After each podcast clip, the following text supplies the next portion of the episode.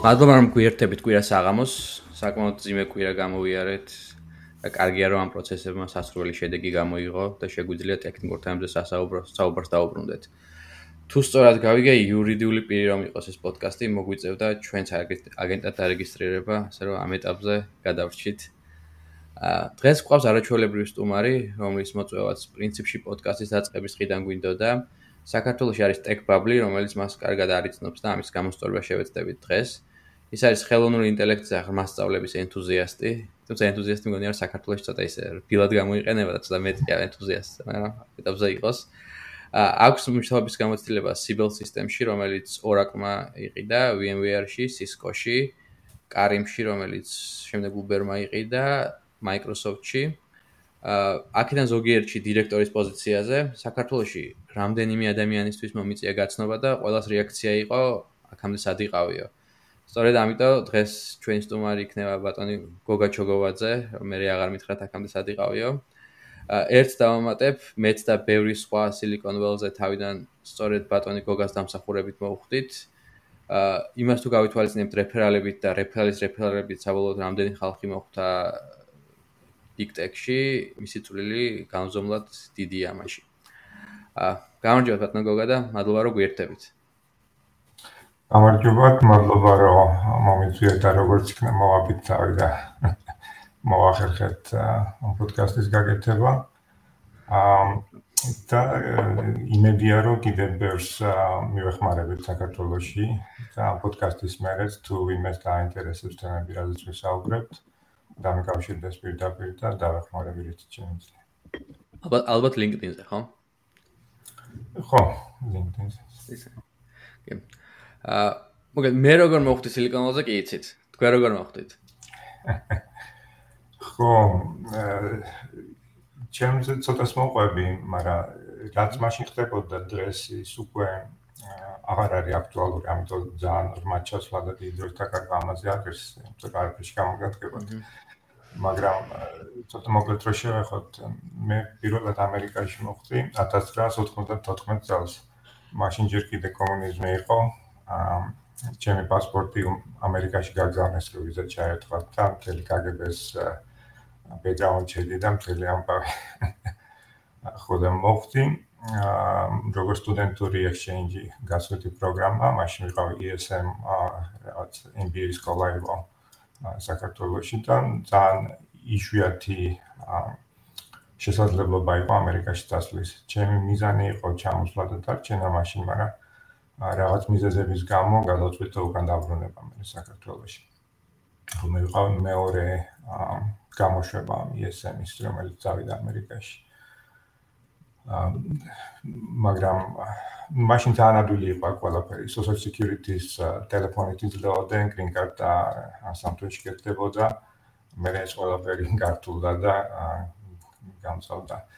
მაშინ რომ ჩამოვედი, რაღაც ინტერვიუები მაინც გავიარე, რამდენიმე ოფერი მქონდა ერთ-ერთი ბორლანდიდან. მახსოვს მაშინ 85000 იყო, ხელფასი როგორც სინიორ ინჟინერი, მაშინ 85000 დიდი ფული იყო. მაშინ კონდო ღირდა სადღაც 100000. აა, ბიზნესი.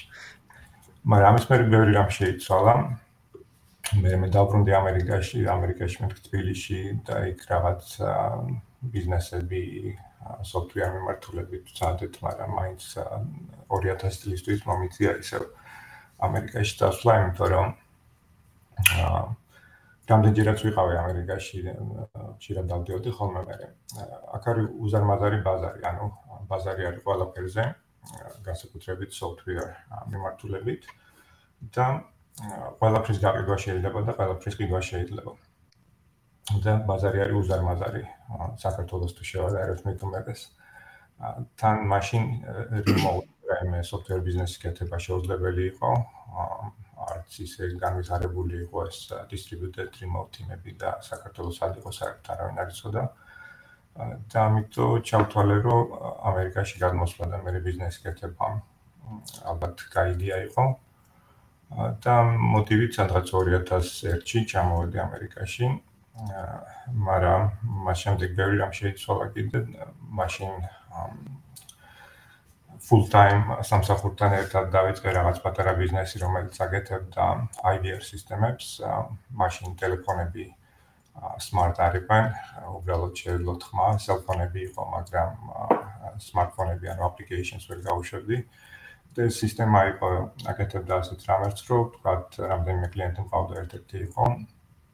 აა პლამერი როგორ არის?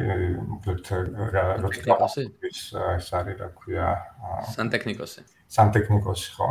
როდესაც სახში რაღაც emergency ხდება, რაღაც გაფუჭდა, რაღაც 1800 numbers დარეკავდა ეს მომხმარებელი, შეიყვანდა მის სამართლით ხო და ჩაწერდა რა პრობლემაა. zip codes მიწერდა. და მე ეს სისტემა broadcast გააკეთებდა, ანუ Uber-ით, მაგრამ მაშინ პრიმიტიული Uber-ი დაუკავშირდებოდა სანტექნიკებს ამ უბანში და რომელიღაც სანტექნიკოსი აიღებდა რომ მე მე ავიღებ ამ ჯობს. და მე რა თავისი invoice გამოწერა ყველაფერი. ანუ Uber-ი ოღონდ voice over აჰა IVR სისტემით. აა მაგრამ მე full time job, full time startup-ი და აა დავქორწინდი ამერიკაში წასვლის წასვლამდე ერთი კვირით ადრე. უკვე შეუძლებელი გახდა ამ სამი რაღაცის ერთად გაკეთება და უძილო ღამეები და დავანებე თავი და ისევ ფოკუსი გავაკეთე კარიერაზე. აა და ცოტა ჩემ მოგოსაც მივახმარა იმ ხრივ რომ აა ჩემზე იყო ბევრი აა საკითხები სახლის ხრივ და შემოსავლის ხრივ. ამასობაში ჩემო მეუღლემ გააკეთა 4 აა დეგრი სტენფორდიდან. აა ხო და მე კიდე ამასობაში რამდენიმე ფირმაში სილიკონვალიში მუშაობდი, რამდენიმე სტარტაპი და დიდი ფირმებიდან შენცარცენე Oracle კიდე Cisco იყო. კიდე ვინ იყო დიდი. VMware აი ხო VMware ხო VMware-ში ვიყავ სადღაც 8 წელი და იქიდან გიცნობ შენს მე გადმოვედი აქ Seattle-ში ბოლო წელია Microsoft-ში. და კიდე რაღაც პერიოდი დაახლოებით 3 წელი ვიყავი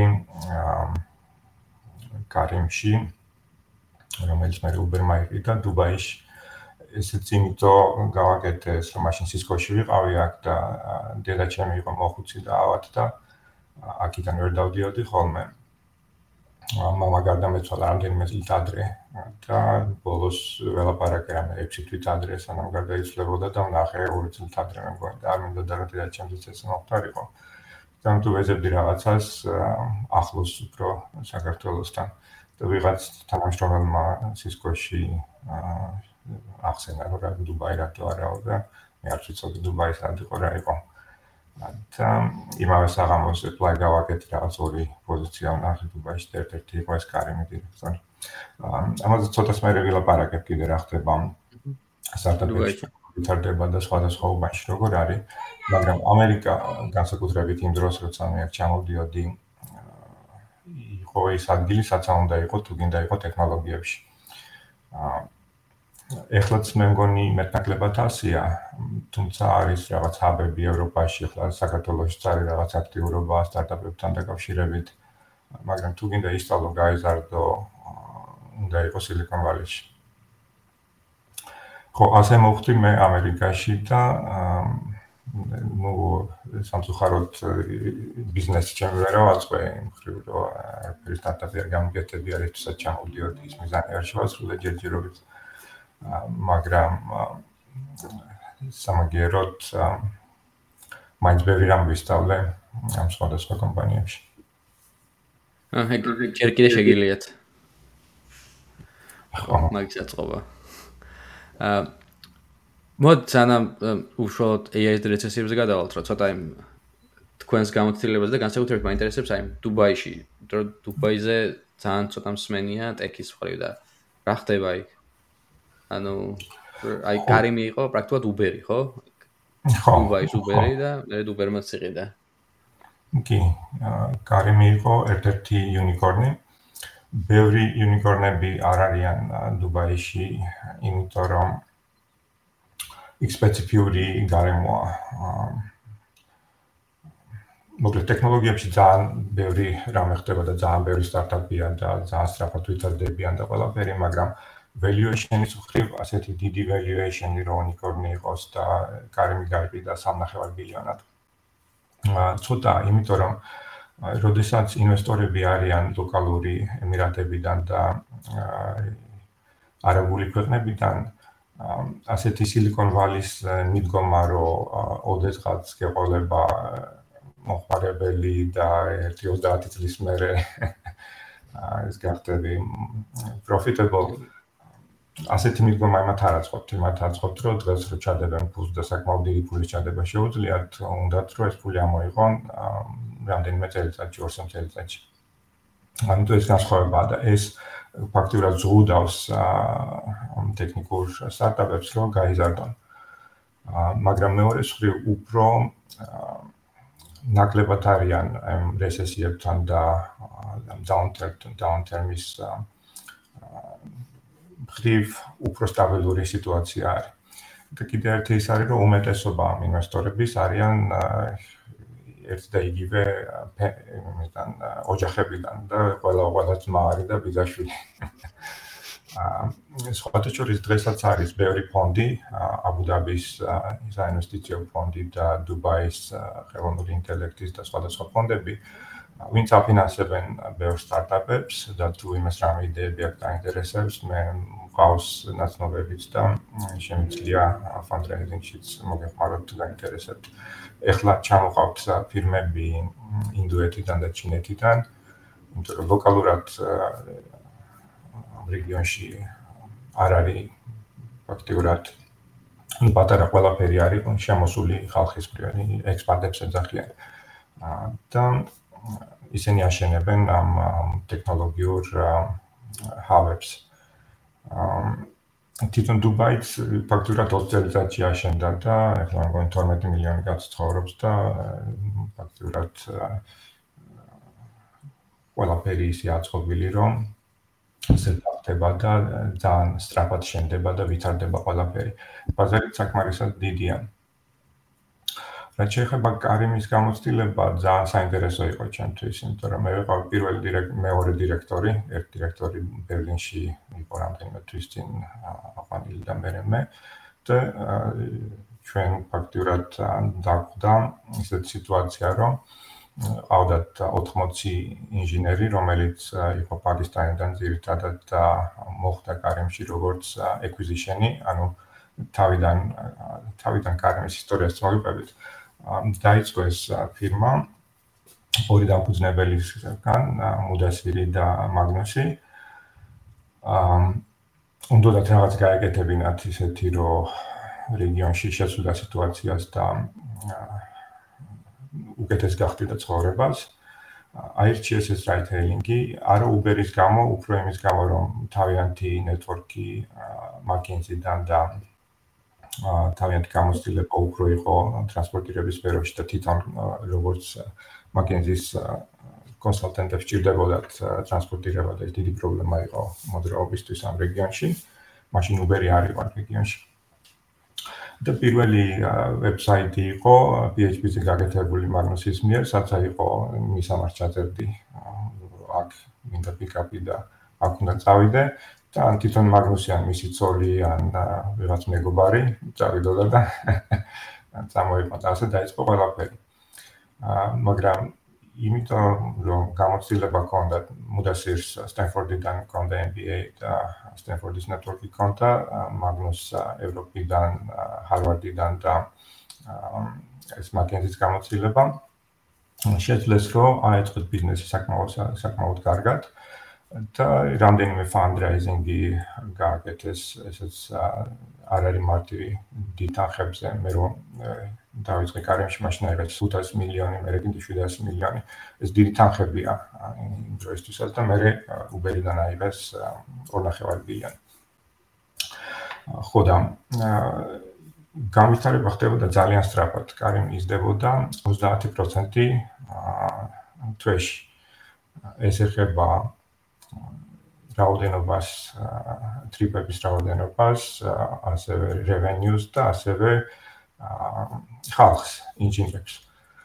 ნუ ყავდა თიმები პაკისტანში, დუბაიში და ბერლინში. შეიძლება დავდიოდი ხოლმე თან დუბაიში ცხელა ხოლმე და არ მინდოდა ეგ გაჩერება. ცდილობდი რა სადმე წავსულიყავი გავცეულიყავი.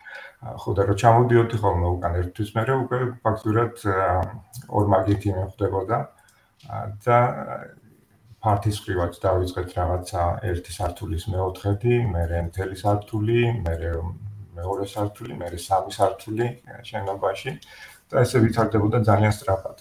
და გარდა იმისა, რომ აა რთულია ამდენი ხალხის უწება ყანა და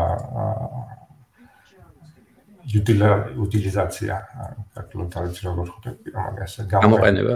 შეჭარდა, იმიტომ რომ ძალიან დიდი დრო მიდის იმაზე, რომ ბორდინგი გაკეთდეს, გაიგო რა პრობლემა და ქაოსი იყო თავიდან, მაგრამ მე დავაწყეთ ეს საქმე. და ასევე ტექნიკურადაც, იმიტომ რომ თავიდან კონდა თრავით რამდენიმე ასეული ტრიპი დღეში, რაც გაიზარდა რამდენიმე მილიონზე. და რო გითხრათ სკეილის მიხედვით, რომ წარმოადგენა კონდეს თვიური ბილი AWS-დან იყო 3 მილიონი, 3 მილიონი, 2.8 მილიონი. ეს მუდმივი ოპტიმიზაციის და governance-ის და clean-up-ების და ასე შემდეგ მიუხედავად.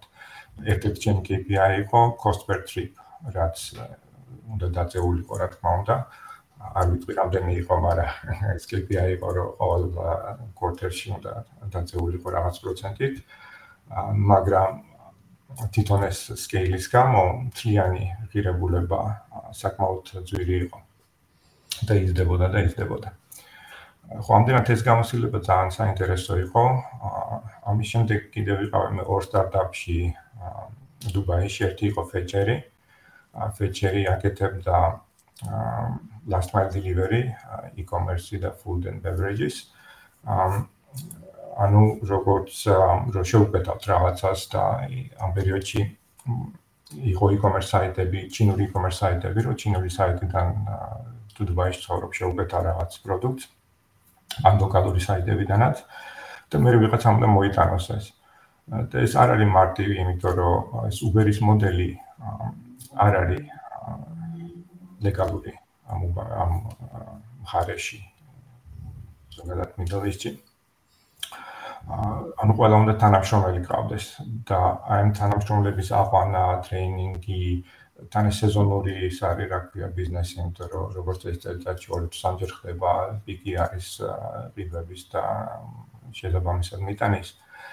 და ამდენად ეს ბიზნესი ძალიან რთული სამართავია. მაგრამ ტექნიკურად ძალიან საინტერესო პრობლემები არის, იგივე route optimization-ი, რო რამდენიმე ეს გააკეთო, რა ქვია, მიტანა ერთდროულად, რო story აა მანქანა ანუ თქვა თუ ტელევიზორია დასარები, ამას მოტოციკლებით ვერ წაიღებ და აი ესეთი პრობლემებია, თუნდაც იგივე პრობლემები არის აა რომ ფასი რო დაადგინო რაღაც რაღაც ამანათის წაღება, უნდა ისოდე ვოლიუმეტრიკ საიზი, ანუ უნდა ისოდე განზომილება და წონა. და ამის აპარატურა ღირს ძალიან ძვირი, რაღაც 300.000 ღირს ერთი მანქანა, რომელიც სკანერებას აკეთებს. და თუ გაქვს 30 warehouse-ი 30 ჯერ 300.000 უკვე ძალიან დიდი ფულია. მოდი ჩვენ მოვიფიქრეთ რაღაც machine learning გამოცანა, რომ იყო როგორც ღამურა აკეთებს, ანუ რაღაც ultrasound და ორი მიკროფონით გაიგებთ ამ გაბარიტებს. ხო, ასეთ საინტერესო ამოცანები იყო ხოლმე. რაც ამერიკ უფრო მარტივი არ იქნებოდა? როგორ? ამერიკ უფრო მარტივი არ იქნებოდა? კამერა და ეს საუნდი, იმიტომ რომ აა კამერა მაშინ რამდენიმე კამერა უნდა იყოს, იმიტომ რომ ეს ვიზუალური ეს უნდა მოქცეს სიღრმე და რაღაცა, მაგრამ კამერაც იყო და ეს ხმაც იყო და ეს ორივე ერთად აკურატულობას უფრო ზრდიდა. მმ. ხო, ხო, ну ეს ერთ-ერთი პრობლემა მოიყვანა. ეხლა შეგიძლიათ 300-ად გაყიდოთ ეგ. ხო. ხო. ხო, და ასეთი სტარტაპები არის დუბაიში საკმაოდ კარგი ეკოსისტემა არის fundraising-ი და ისეთ ძალიან silicon valley-სთან შედარებით რამდენადაც ვიცი საკმაოდ კარგად მუშაობს ყველაფერი. ერთადერთი პრობლემა პრობლემა არა მაგრამ უბრალოდ მიდგომა ინვესტორების მხრიდან silicon valley-სგან განსხვავებით არის რომ არ უყურებენ 20 და 30 წლის მომავალს უყურებენ უფრო პრაქტიკულ პრაქტიკულ ზრდას. ანუ ექსიტი თუ არის ეს აწყობთ, კი ბატონო, მაგრამ ის რომ როდესაც იქნება profitable, ეს არ აწყობთ. და retailing საერთოდ არ არის ისეთი მონგებიანი ბიზნესი, თუ კი არ არის მონოპოლია, სადაც შეიძლება ფასი დაადო. აა ამიტომ ყოველთვის როდესაც არის კონკურენცია, ყველა ფას აგდებს. აა მოხარებელი არ არის ლოიალური, ანუ იმას ურჩევნია რომ რაც უფრო იაფია თუნდაც 2 დოლარით იაფი რო იყოს აერჩიოს ის სერვისი. და ამდენად კონკურენციის გამო ეს მოდელი ვერასდროს ვერ იქნება მომგებიანი გარდა იმ შემთხვევებისა როდესაც არის მონოპოლია. მე თქვა მონოპოლია აქვს Yandex რუსეთში მონოპოლია აქვს Didi-ს ჩინეთში ეხლა უკვე მონოპოლია აქვს Uber-ს ბევრ ბაზარზე მაგრამ ესეც სტარტაპის იდეისთვის თუ გინდა უცებ ააშენო და გაკეთო რაღაცა, გააკეთე Uber-ის კოპია რამე ერთ სპედეთ ქალაქში, არის ჩიკაგოში ან სიერთში ან სან-ფრანცისკოში და ეგრევე Uber-ი იყიდის. თუ ვერ მოკლა. კი, ეგ ლიფტი არ იყიდეს თავის დროზე და ხა ალბათ. ხო. კი, მეშვები.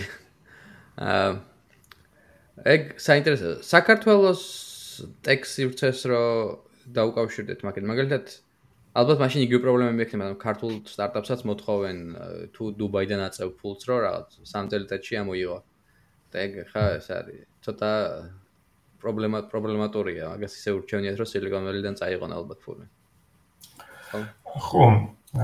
ეხლა სამ წელიწადში ამოღებაზე არ არის ლაპარაკი. ლაპარაკი იმაზე რომ გამართული იყოს ანუ რაღაც revenue stream-ი იყოს და იზრდებოდეს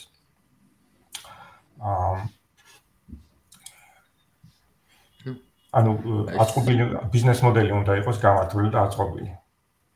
ის რომ თქვა ზარალია და მუდამ ზარალი იქნება 20 წელი ყველა ტრიპზე, ესეთი რამე ცოტა რთულია. ყველგან რთულია, არც სილიკონ ვალიში არ არის ადვილი. უბრალოდ სილიკონ ვალიში ის უპირატესობაა, რომ ძალიან ბევრი ინვესტორია და რაღაც ნეტვორკით, ნაცნობობით, ამით თუ იმით, ნუ აზრ თუ გიან ვიღაც ჩადებს ფულს. ხო და ამდენად ფულის შონა უფრო ადვილია სილიკონ ვალიში, თუ ხარ გარკვეულ დროებში და იცნობ გარკვეულ ხალხს და VC-ებს. ეს არის განსხვავება, თორე დანარჩენი ყველა ბიზნეს აკეთებ იმისთვის, რომ იყოს მომგებიანი, იმისთვის არ აკეთებ, რომ იყოს არამში. ეს წესი ყველგან ეგრეა და უბრალოდ სხვა ბაზრებზე ამდენი ფული არ არის რომ მუდმივად ნუ ერთ და იგივე კასთან ვერ მიხვალ ყოველთვის. ხო ნუ რამდენიმე ჯერ მიხვალ მაგრამ თელი ცხოვრება წვის იმედზე ვერ იქნება. ერთ და იგივე ადამიანის. ხო და აქ მრავალფეროვნება აქვს სინიკომალიში ეს ერთი. მეორედ როდესაც რაღაც დონეზე იზრდება და უკვე აჩვენებ ზრდის ტემპებს შეიძლება აიღო ფანდინგი Silicon Valley-დანაც. იგივე კარემსაც ჰქონდა რა ქვია რამდენიმე არამარტო არამარტო Silicon Valley-დანაც რამდენიმე ინვესტორი იყო. აა კარემში, Fetcher-შიც იყო რამდენიმე ინვესტორი. Silicon Valley-დანაც და მე SoftBank-ს უნდა ჩაერდო 150 მილიონი. მაგრამ გადაიფიქრეს, მაშინ დაიწყო ზუსტად ეს რაღაც პრობლემა. WeWork-ი.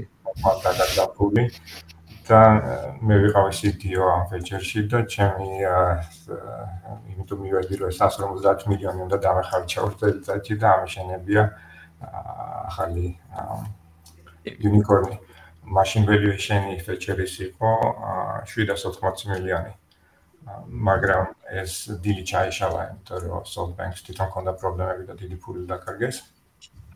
და ამის მერე უკვე დაუნტერნი წავიდა და ცოტა ხნის წინ დაიხურა საერთოდ ფეჩერი და მომიწია რამდენიმე ხალხს იმის მაგერად რომ გამეზარდა ტიმი რამდენიმე ჯერ ლეიოფებიც ჰქონდა. ხო რაც შეეხება საქართველოს. საქართველოს პრობლემა არის ის და ყოველთვის იყო რომ ბაზარი არის ძალიან პატარა. ანუ თუ გლობალურ ბაზარზე არ მუშაობს ფირმა, ფაქტურად შეუძლებელია რომ მონგებიანი იყოს. ანუ ბაზარი არ არის საკმარისი იმისთვის, რომ საკმარისი შემოსავალი და revenue კონდეს technology oriented firmas. ხოდა თუ კი აკეთებ რაღაცას არაქართული ბაზარისთვის, მაშინ რა გინდა საქართველოში? მასშტაბი ამერიკაში და ამერიკაში გააკეთე. დღეს თუმცა უკვე შეიძლება რომ იყოს საქართველოში დარეგისტრირებული ფირმა და აიღო ფული როგორც საქართველოს ასევე არის გლობალური სტარტაპ ფანდინგი ასევე ამერიკიდანაც მაგრამ მაინც თუ აკეთებ რა ვიცი ახალ Google-ს ან Facebook-ს აა რატომ უნდა გააკეთო საქართველოში, რომ შეიძლება გააკეთო ამერიკაში და ბევრად ნაკლები პრობლემები იქნება და უფრო ადვილი იქნება ასეთადა განვითარება. მეც რამდენიმე ფირმა გამიგია საქართველოსდან, რომ ეცეთი გააკეთეს და რამდენიმე ფირმა ვინც დაიწყო საქართველოში, მაგრამ მე აგრძელებენ ამერიკაში ზუსტად ამ მოტივის გამო, რომ ინვესტიციები და და და ყველაფერი ამერიკაში უფრო აწყობილია ეს საქმე და ამდენად რა შეიძლება რომ შევცვალოთ რომ საქართველოსი აეწყოს აი? აი რა ხო ეს იცლება ყველაფერი იცლება აი მე რო წამოვედი ამერიკაში მას საქართველოს ადვო არავინ არ იცოდა რომ მეთქვა რომ ქართული ფირმა ვარ და ფული მომეცი საერთოდ არ დამალაპარაკებოდნენ დღეს ეს შეიცვალა უკვე გლობალიზაცია ხდება ინტერნეტია დისტრიბიუტედ ინჟინერინგ ტიმებია არაუცილებელი მანდ მაინც ქართული ინჟინერები ყავდნენ, შეიძლება იყოს ინდოელები, ევროპელები, ამერიკელები. ყველაფერი გლობალურია, მაგრამ ერთი პრობლემა მაინც რჩება არის რომ ეს უფრო გეოპოლიტიკური პრობლემაა, მე მგონი, იმიტომ რომ ინვესტორი არავის არ უნდა ფულის გადაღრა. ფულს რო იძლევა, უნდა იმას გარანტია, რომ ხვალ არ დაიხურება ეს ფირმა, ან ხვალ რუსეთი ოკუპაციას არ გაუკეთებს ამ ქვეყანას. და აი ეს გარანტიები და ამ ხრივ უფრო ადვილი არის, როდესაც ფირმა არის დარეგისტრირებული ამერიკაში, დელავერში, როცა კანონები ციციან, ყველაფერი გარანტირებულია, იქ რაღაც თავის იმებს ჩადებენ, რომ ასე რომ მოხდება, მაშინ რა მოხდება და ყველაფერი უფრო ცხადია და ნათელია.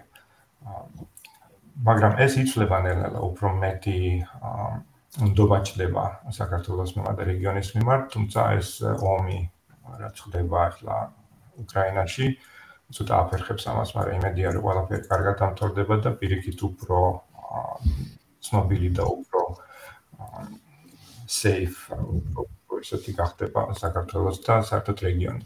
უკრაინაში ძალიან ძალიან კარგი სტარტაპული გარემო იყო. ბევრი unicorn-იც არის, დღესდღეობით არის თუქსმენიად Grammarly. მაგათი რეკრუიტერები გვაჰარასებდნენ ხოლმე, სანამ რეცესია დაიწყებოდა. ხო, ხო. მეც Cisco-ში რო ვიყავ, 60 კაცი მყავდა უკრაინაში, ეხლაც ლონდონის ფირმაზე VP of infrastructure ვარ და იქაც უკრაინაში, პოლონეთში ხალხი ყავს და ასევე კონსალტინგ ფირმებიც ბევრი არის, software-ი და რამდენიმე ხო და ძალიან კარგი ის არის და ის საქართველოსთან განსხვავებით უკრაინული ტექნოლოგიური ბაზარი და ინჟინერებიც საკმაოდ დიდია, ბევრია. საქართველოში ერთ-ერთი პრობლემა ესეც არის, რომ ეს ინჟინერები სამწუხაროდ არ არის ამდენი, სულ 2-3 უნივერსიტეტია და იმდენ სპეციალისტ ვერ უშვებს და ვისაც უშვებს, ვინც კარგია ის, როგორც წესი, გარბის თქვენი ჩათვლით. ხო და ამდენად ცოტა რთულია რა საქართველოში სტაბილური და მზარდი ტექნოლოგიური ფირმა აწყო. და არც არის აუცილებელი ამის თქმა, იმიტომ რომ დღეს გლობალური გლობალიზაცია ხდება ყველგან მე მესუ დისტრიბუტივ ტიმები მყავს რა ვიცი ჩინეთში, ინდოეთში, პაკისტანში, ისრაელში, ირლანდიაში, ნიდერლანდებში, მთელ ამერიკაში სულ ასეთი დისტრიბუტივ ტიმი ხდება და ეს არის მომავალი ეს ადრე იყო ცოტა скептიკურად უყურებდნენ ამას, მაგრამ მე ამას უფრო ხედავდი რომ ვერ შეაჩერებ ამას და ესაც მოხდება. აა და საქართველოს უნდა გახდეს ამ ინფრასტრუქტურის ნაწილი, რომ კონდეს სოლიდური გამოცდილება და ინჟინერები. იგივე ამ პოსტაბჭოთა სამეზობლოს თუ შევადარებთ, სომხეთში სხვათა შორის ძალიან განვითარებულია, ჩვენზე წინ არიან ბევრად. და ეხლაც რო გარბიან ეს რუსი ინჟინრები რუსეთიდან, უმეტესობა მიდის ან ისეთ ევროპაში, ან სასომხეთში. ცოტა ჩამოვიდა საქართველოსშიც, ბელორუსიიდან და რუსეთიდან, რაც კარგია, იმიტომ რომ გავლენას მოახდენს ალბათ საქართველოს დონის ამაღლებაზეც. მაგრამ აი საქართველოს არის სამწუხაროდ ძალიან პატარა შიდა ბაზარით და პატარა რესურსებით, მათ შორის პროგრამისტული და ტექნოლოგიური რესურსებით.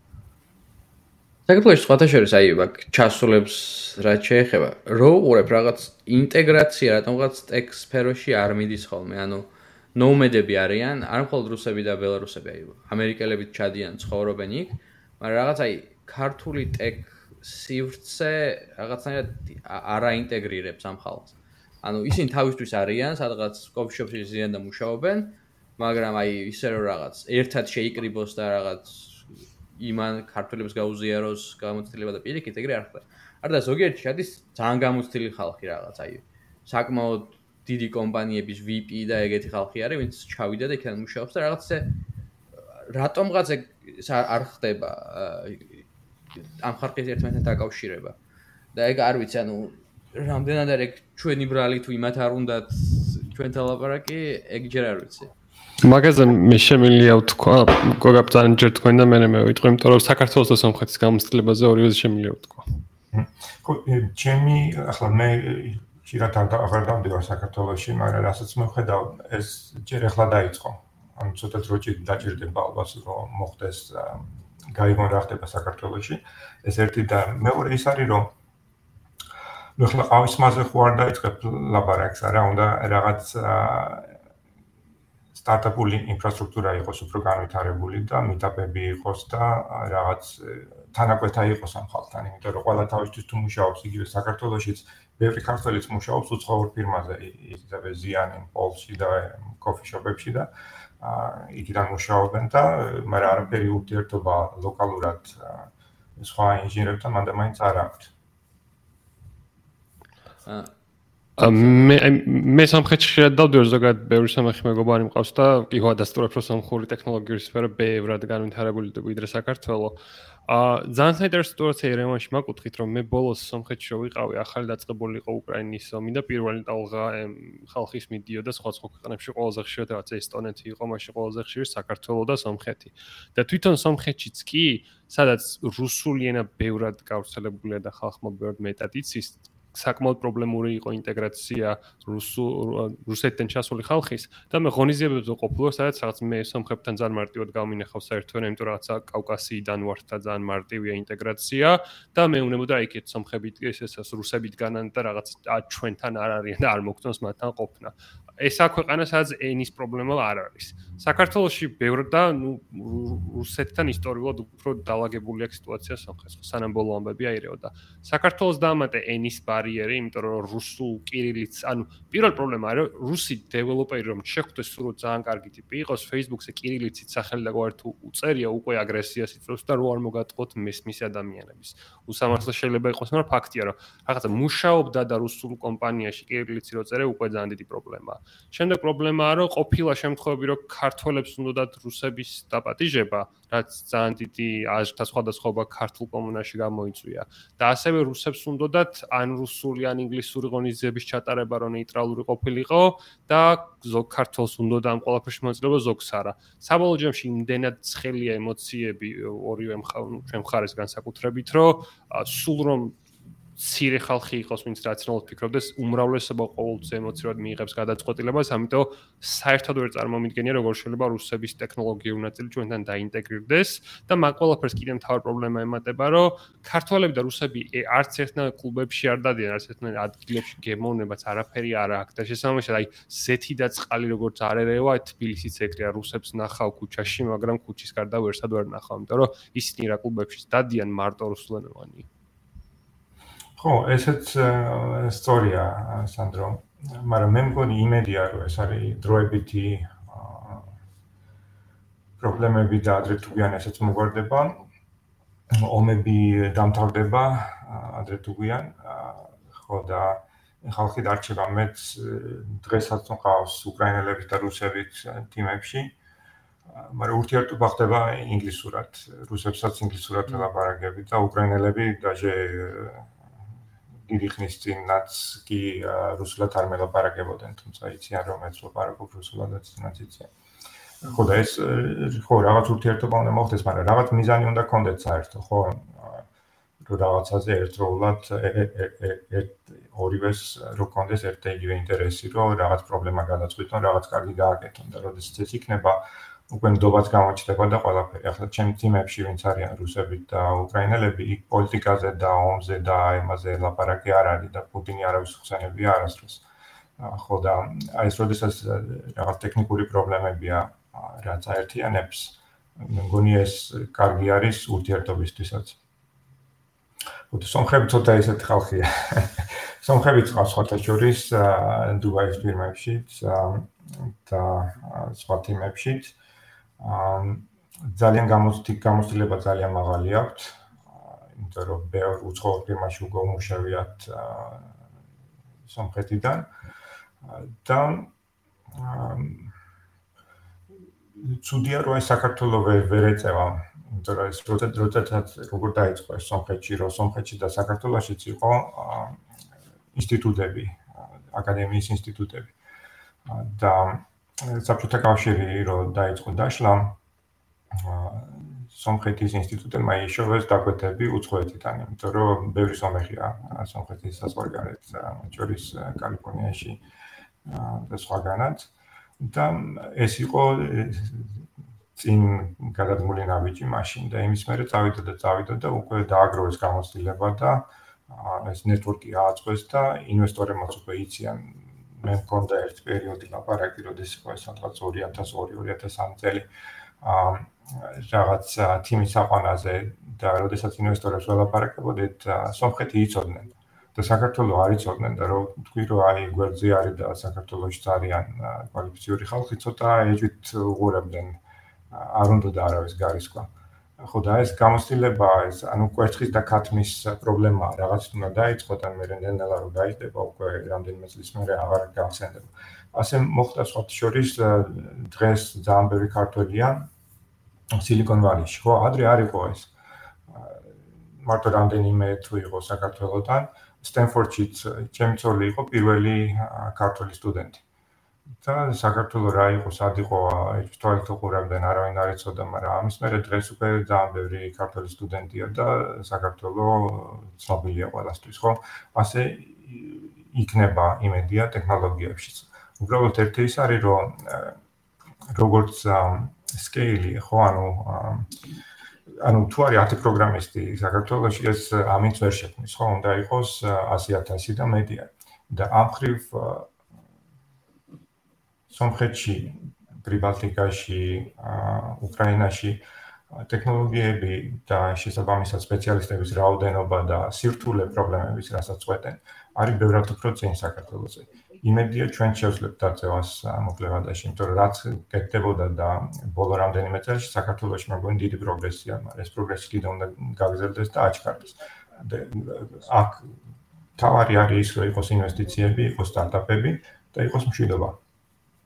დანარჩენი თავს მოხდა. კი, ანუ აშკარად ისიც საკმაოდ წამოვიდა იგივე ტექ სივრცეში, აქ სილიკონ ვალდს და ევროპაში უკვე ძალიან ბევრი ქართველი ყავს და ეგ ბაბლი კარგად იზრდება. ფეხლოში ეგზიტები იყო და ანუ მგონია რომ ტექ ფული ჩდება, რაც პირველად განსხვავდება აი ტრადიციული ფულისგან, იმიტომ რომ ტრადიციული ფული იყო რაღაც 90-იანებში რომ კალაშნიკოვი დადიოდა და მე ბიზნესმენი გახდა, ეგეთი ტიპი და ეგეთი ტიპიდან სტარტაპსისთვის ფულის გამორთმევა და მე იმის ახსნა რომ რაღაც 10 წელიწადში დააბრუნებ, ცოტა ის არის შეთვისაც საშიშია და ის ალბათ ვერ გაგიგებს. ეხლა რადგან ტექსტივცეში ცოტა ფული გაჩნდა, ეგ გონია რომ ბევრ ამას ცulis. აა ხო, ეს არის. შეგიძლიათ კომენტარებში დაგვიწეროთ, რატო ფიქრობთ, რომ ინჟინერების ინტეგრაცია, ჩამოსული ინჟინერების ინტეგრაცია არ ხდება ქართულ სივრცეში, ანუ საინტერესოა რა. ჩვენც შეგვიძლია მე რამე ვცადოთ, რომ მაგის გასარკვევად ან ხელი შესაწყობად. აა ხო ერთი რაღაც მაგაზე საინტერესო იყო ბაბლზე რომ აი თქვენ თაობიდან თქვენ წახვედით მე აი ნუ ისიც იყო გია და თუაშვილი ყავდათ რომელიც წამოსული იყო. ან მე იყო მგონი საკმაოდ დიდი გეფი. რაღაც 10 წლიანი გეფი იყო როცა აი მე silicon valley-ზე ტექში მე მგონი არავინ არ ვიცი ვინც ჩამოვიდა სადღაც 2002-დან თუ 2012-მდე რაღაც ეგ რაღაც პერიოდი იყო როცა მე მგონი ეგ არ გაიზარდა ჩვენი ბაბლით როგორც უნდა გაზელიყო და მე შედარებით გამოსწორდა სიტუაცია. და და რა რას ფიქრობთ რატო შეიძლება ყოფილიყო? ხო, ეს როგორ დაიწყო? აა სადღაც 80-იანების ბოლოს, 90-იანების დასაწყისში მოხდა პირველი ტალღის ემიგრაცია. ძირთადად ეს იყო ებრაელები, რომლებსაც დაიწყო საბჭოთა კავშირი, მან გრევა ჰქონდათ საშუალება რომ წასულიყვნენ დაეტოვებიან საბჭოთა კავშირი. აა ბევრი წავიდა ამერიკაში, იმიტომ რომ იცოდნენ რომ ტექნოლოგიები უფრო ამერიკაშია და იქ მთელი ისიც იყო სხვათაშორის გზა როგორ მოდიოდნენ, თქვა ჩავიდოდნენ იტალიაში. აა და მე რეკელოდებოდნენ ვიზას ამერიკისთვის რამდენიმე თვე. ცოტას მუშაობდნენ ან ისვენებდნენ და მე შეძლო თქო რომ არ მინდა ისრაელში და მინდა ამერიკაში. ეს იყო პირველი დალღა და საკმაოდ წარმატებული მე რამდენიმე ვიცნობ რომ ძალიან კარგად აწყვეს საქმე და კარგად იყო და ხო შეიძლება მაშინ როგორც ვი ძალიან ადვილი იყო და მაშინ იწყებოდა ეს silicon valley და განვითარება და ეს ტექნოლოგიური ზედა და კაი დრო იყო მაშინ ამის მერე იყო ეს 97 90-იანებში, როცა მე ჩამოვედი და მე მე უკან დავბრუნდი და მე დათვაშვილები და აა სხვები ჩამოვიდნენ. აა ესეც кайგი დრო იყო, იმიტომ რომ მაშინაც იზრდებოდა და მაგალითად ციბელ სისტემში ვინც იყო ან ციბელის ტოკი ავიდა მე რომ მივედი ციბელში მე 150-დან 2 დოლარზე ჩამოვიდა სამწუხაროდ მაგაში არ გამიმართლა აა მაგრამ იყვენ რამდენიმე ვინც ჩამოვიდნენ ძირთადად Silicon Valley-ში. და დღესაც ძალიან კარგად არიან და ძალიან წარმატებული კარიერა ჰქონდათ. ამის მერე იყო გეპი კი იყო იმიტომ რომ ვინც იწოდა რომ უნდა წასულიყო ისინი უკვე წავიდნენ.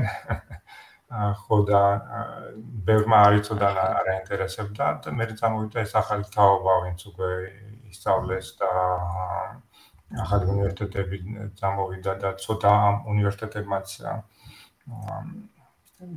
ისწავლეს რა არის საქართველოს და სტუდენტებსაც როგორც ვიარი ჩემი ძოლი იყო პირველი სტუდენტი, მაგრამ მე როგე სტენფორდმა გაიგო რომ ყოფილა თუმე საქართველოს და ჩვენი ხალხია და უკვე აძლევდნენ ხოლმე რა ქვია სასწავლო ვიზას და მოყავდათ როგორც PhD და master სტუდენტები. იგივე ჩემთვის პრობლემა იყო რომ აი დათო შენც იცი რომ მე ვცდილობდი ყოველ სამყარო ქართული ინტერნეტი ისაც მუშაობდი და თავიდან ეს ძალიან დიდი პრობლემა იყო, იმიტომ რომ საქართველოს ვიზა ვინ არიან რა რა უნდა ხო და ხშირად ესეთი ის ხდებოდა ხოლმე. მაგრამ ნუ როგორღაც გადავლახე ერთხელ ეს შენი ცივიანვერში იყო სისკოში, სისკოში ერთი ბიჭი იყო თქვათი შორის ქართველი მეტი არა რატომღაც. ახლა რამდენიმე არიან, ალბათ მე მგონი ფიზიკოსები. აი ერთმა გახსნა, მე მგონი საქართველოს საქართველოს დანყავთ ახლა ხალხი და იქ მუშაობენ სისკოში. იგი მაგათ წარმოადგენლები საქართველოსში იყვნენ და კიდე დამატებით ხალხს ეძებდნენ ისეთი კმაყოფილები იყვნენ და ხო რაღაც ერთი დირექტორი იყო ჩამოსული ცისკოდან სახელი არ მახსოვს სამწუხაროდ, მაგრამ კაი ღონისძიება იყო სისკოზე საქართველოსში. ხო ხო და ამიტომ თავიდან არავინ არ იცოდა და ამიტომ პრობლემა იყო, მაგრამ ეხლა როგორც ვიცი, Google-დან, Microsoft-დან ჩამოდიან სპეციალურად ინტერვიუებს აკეთებენ და მიყავთ ხალხი, აყავთ და მიყავთ. და მე აი VMware-ში მყავდა რამდენიმე ერთი 10 კაცი მგონი აა სხვადასხვა წელს ეხლა მგონი სულ აი მასში ხართ Google-ში არა? აა ბევრი. შეიძლება 100% არა, მაგრამ ახლოს 100%-ა. ხო ხო. ეს გლობალიზაცია რო ხდება უკვე ესეც ხელს უწყობს ამას და მობილურობაც ეხლა მეგონი პირიქით ამერიკიდან საქართველოში მოდიან ვისაც ასე უფრო მოწონს იმიტომ რომ რემოუტ შორეული მუშაობა უკვე უკვე შეიძლება. მაგის მაგალითებიც გვაქვს. აი მან გიკითხრა ნინომ გითხრა რომ ის არ ვიცით ის არ არსებობს პლატფორმა სადაც ხალხი შეგროვდება და გქონდეს data ალბათ უფრო ინტეგრაციაში დაგვეხმარებაო. არის რამდენიმე Facebook ჯგუფი სადაც იკრიბებიან აა მაგრამ ისიც ძირითადად ნომედები არიან. და ხო, ქართველებთან ცოტა ნაკლები ერთ-ერთი ის არის კაფე არის, მე მგონი სადაც თბილისში სადაც ვიცი რომ იკრიბებიან ხუთშაბათობით. აა პირველ რიგში ინტერესი უნდა არსებობდეს და ვის უნდა ინტეგრაცია. ეგეც არის კი, ეგეც სანდრო მახსენა. აა აი მოდი თუცებ მასე გითხავთ remote works-ზე და მე რო გადავიდეთ რეცესიებზე. აა აი teams რომ მართავთ აი ამდენ time zone-ში და ასე გადანაწილებული არ არის არ გიჭირთ. მე მგონი რომ ჩვენ გვე მალე მოგთხოვს კომპანიები რომ დაბრუნდით ოფისშიო. აი თქვენ როგორ უყურებთ ამას? კი, ну ეხლა ეს იზოლებითი ფორმა იყო ეს COVID-ი რო დაიწყო ხო, იმიტომ რომ მანამდე ყველა ოფისში მიდიოდა და მე რო უკვე როგორღაც ტექნოლოგიურმა ფირმებმა გადავიდნენ ამ remote მოდელზე. რამაც სხვათა შორის ჩემი დაკვირვებით რაც უყურებ, პროდუქტიულობა გაიზარდა. ბევრად უფრო გაიზარდა. იმიტომ რომ მანამდე წარი წამოდი გზაში დრო იკარგება, იქაც მოკლედ ადრე იყო რომ 4 საათი მუშაობ დღეში რა, დანარჩენი არის overhead. ხო და ეხლა რაღაც ყველა ონლაინ არის 24/7 ყველა Slack-ზე things გავაკეთებ და ხუთი პასუხებს. და თან რასაც უტილიზაცია გაიზარდა და ეფექტურობა გაიზარდა. მე ყოველთვის team-ები მყავდა. აა დირიქნის წინაც. და ვხედავდი ამაში, რომ ეს ეს წავიდოდა ინდუსტრია, მაგრამ მაშინ არიან ეს old school ხალხი, ვისაც უნდა რომ გვერდზე ყავდეს ვიღაცა და ელაპარაკოს. აა მაგალითს მოგიყვანთ, მე დავიწყე Microsoft-ში, როცა COVID-ი დაიწყო. დუბაიში ვიყავი მაშინ და შემაშინ და მე ვთქვი, აქ თუ დაიგეთა ყველაფერი არ ჩავჭემ. მონ ჩამოვედი ამერიკაში და Facebook-იდან და Microsoft-თან კონდა ოფერი და გადაწყვეტი Microsoft-ში წასვლა. ოფისში ვიყავი სამჯერ წელიწად და 8 თვის მანძილზე. აა ორ ნახევარჯერ და შემიტომ რომ ერთხელ დენი არ იყო სახში დავედი ოფისთან მუშაობ მეთქი და პარკინგზე გამახსენდა რომ ლეპტოპი დამჭა სახში და წამოვედი უკან ისე რომ არ ჩასულა. მაგრამ Microsoft-ი მუშაობს ასე ხომ? ეხლა არის ჰიბრიდული. ყველაზე პრობლემატური ეს შორდამუშაობა არის ჯუნიორებისთვის, იმიტომ რომ მათ უნდათ მაინც ურთიერთობა და აი ესე რო ხარ isolated და სახში ზიხარ და მით უმეტეს თუ პირობები არ გაქვს სახში და იქ ბავშვები დარბიან და არ არის სამშობლო სიტუაცია, ეს უშლის ხელს განვითარებას და სტრესს ზრდის. მაგრამ ძირითადად უფრო სინიორებისთვის და მაღალი მეტი გამოცდილება მქონე ხალხისთვის როგორც ეს ის უფრო პროდუქტიულია და მუშაობს. მაგრამ მე მგონი ეს ჰიბრიდული მოდელი რო სადაც რაღაც პერიოდში ერთხელ ხდება შეხვედრა საჭიროა, იმიტომ რომ თიმში უნდა იყოს ნდობის ფაქტორი. მაგალითად Cisco-შიც მე მყავდა distributed team-ი ევროპაში და ამერიკაში. მაგრამ ყოველ სამთვეში ერთხელ ვაკეთებდი ყველა ჩამოყავდა ორი კვირით. ერთი კვირიდან ორი კვირით როგორ შეეძლო. და team building-ი, planning-ი, რა ვიცი, ყველაფერი. ამან ძალიან უწყობდა ხელს იმას, რომ აი მანამდე ამან ასეკნა, იმან ისეკნა, ყველა ყველას იმაშვებოდა, რომ პრობლემა არ არის და მე უკვე იკრებოდა ეს ეს რა ქვია აა team-ი და უფრო პროდუქტიულად მუშაობდნენ.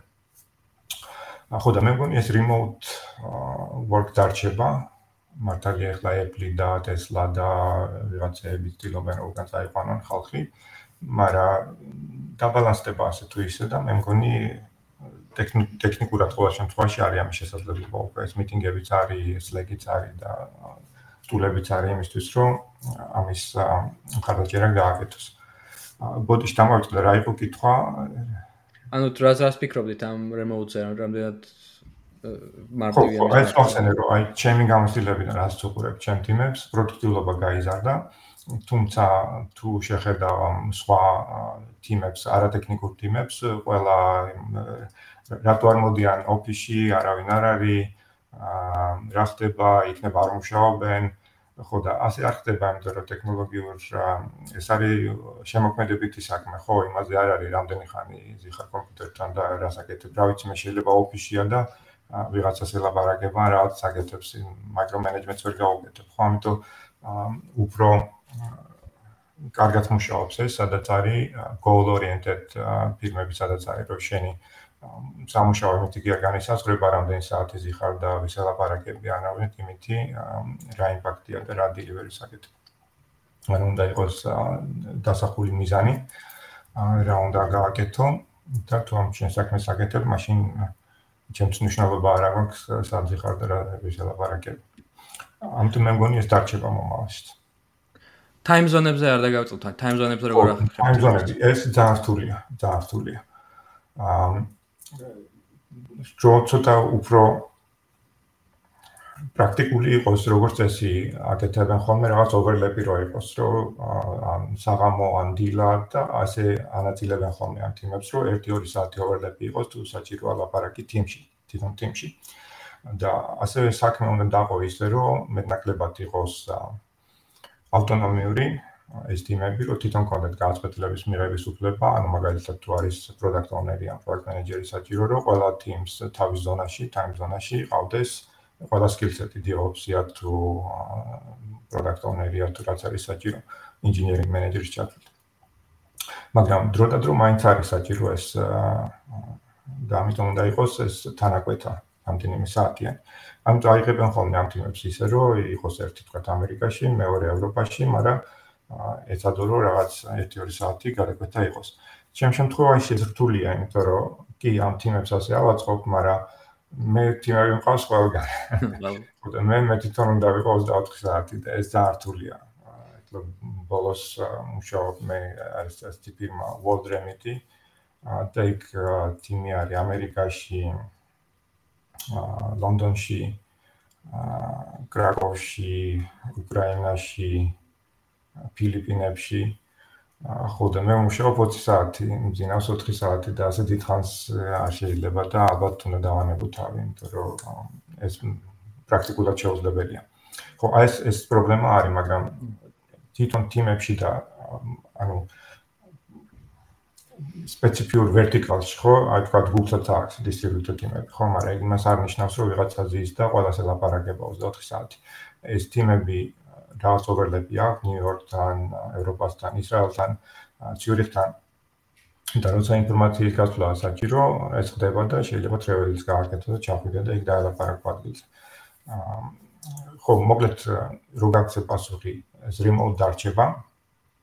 უფრო hybrid იქნება, უფრო მეტილად და მე შეიძლება კიდევ უფრო remote გახდეს, იმიტომ რომ ბევრი ფირმა არის ახლა remote first. მათ შორის კარიმი ცოტა შორის გადავიდა remote first-ზე. და რაც შეეხება მენეჯმენტს ამ თიმების, უნდა ეცადო რომ პროექტები, ეს ვერტიკალები იყოს, რაც შეიძლება ახლოს time zone-ში. და ასე იმუშავებს, ასე იმუშავებს. ერთ რამეს დავამატებ, აი ჩემ პირად გამოცდილებაზე გუგლთან დაკავშირებით, შვეიცარიის ოფისში მქონია ცოტა ხანი ყოფნის გამოცდილება და ასევე ცოტა ხანი ლონდონის. ორივე შემთხვევაში ძალიან დიდი პრობლემა ის იყო, რომ აბსოლუტურად მინიმალური ავტონომია ჰქონდა იმ გუნდებს, რომელსაც მუშაობდი და მუდმივი პრობლემა იყო სათაოფისთან კოორდინაციის და კომუნიკაციის. და ლონდონში იმდენად დიდი პრობლემა იყო სათაოფისთან კომუნიკაციის, რომ ორი კვირა ექსპერიმენტად ვცადე, რომ ამერიკის სასაათო ზოლში მე მუშავა მარტო და ლონდონის დრო დამეშიფტა და იმ ორი კვირის განმავლობაში უფრო მეტი საქმე გავაკეთე, ვიდრე იქამდე ალბათ ორი თვის განმავლობაში. და სხვებს ველაპარაკე, მაგალითად, ჩემი თანაგუნდელი იყო შვეიცარიაში და ხო, მე ვცდილობ რო overlap-ი ამერიკაზე მქონდეს, იმიტომ რომ ევროპის მედი არ მაქვსო და არც შეიძლება მხოლოდ ჩემი გამოცდილება, მაგრამ მე რასაც უყურებ დიდი კომპანიები განსაკუთრებით ამერიკულები ძალიან მიკერძოებულები არიან ამერიკული სასაათო ზონების და სათა ოფისების მიმართ. ამიტომ დიდი კომპანიის ევროპულ ან რაღაცა სხვა ფილიალში თუ მუშაობ, რომელიც შორს სასაათო ზონაში არის, როგორც წესი დაჩაგრული ხარ იმით, რომ ნაკლები ინფექციის საშუალება გაქვს, იმის რომ ბევრად მეტად გჭირდება რომ სხვას დაემთხვა დროში და ესე რომ რაღაც დემოკრატია იყოს და ყველამ გავინაწილოთ ის ტვირთი რომ ზონებთან არის დაკავშირებული, როგორც წესი არ ხდება ხოლმე.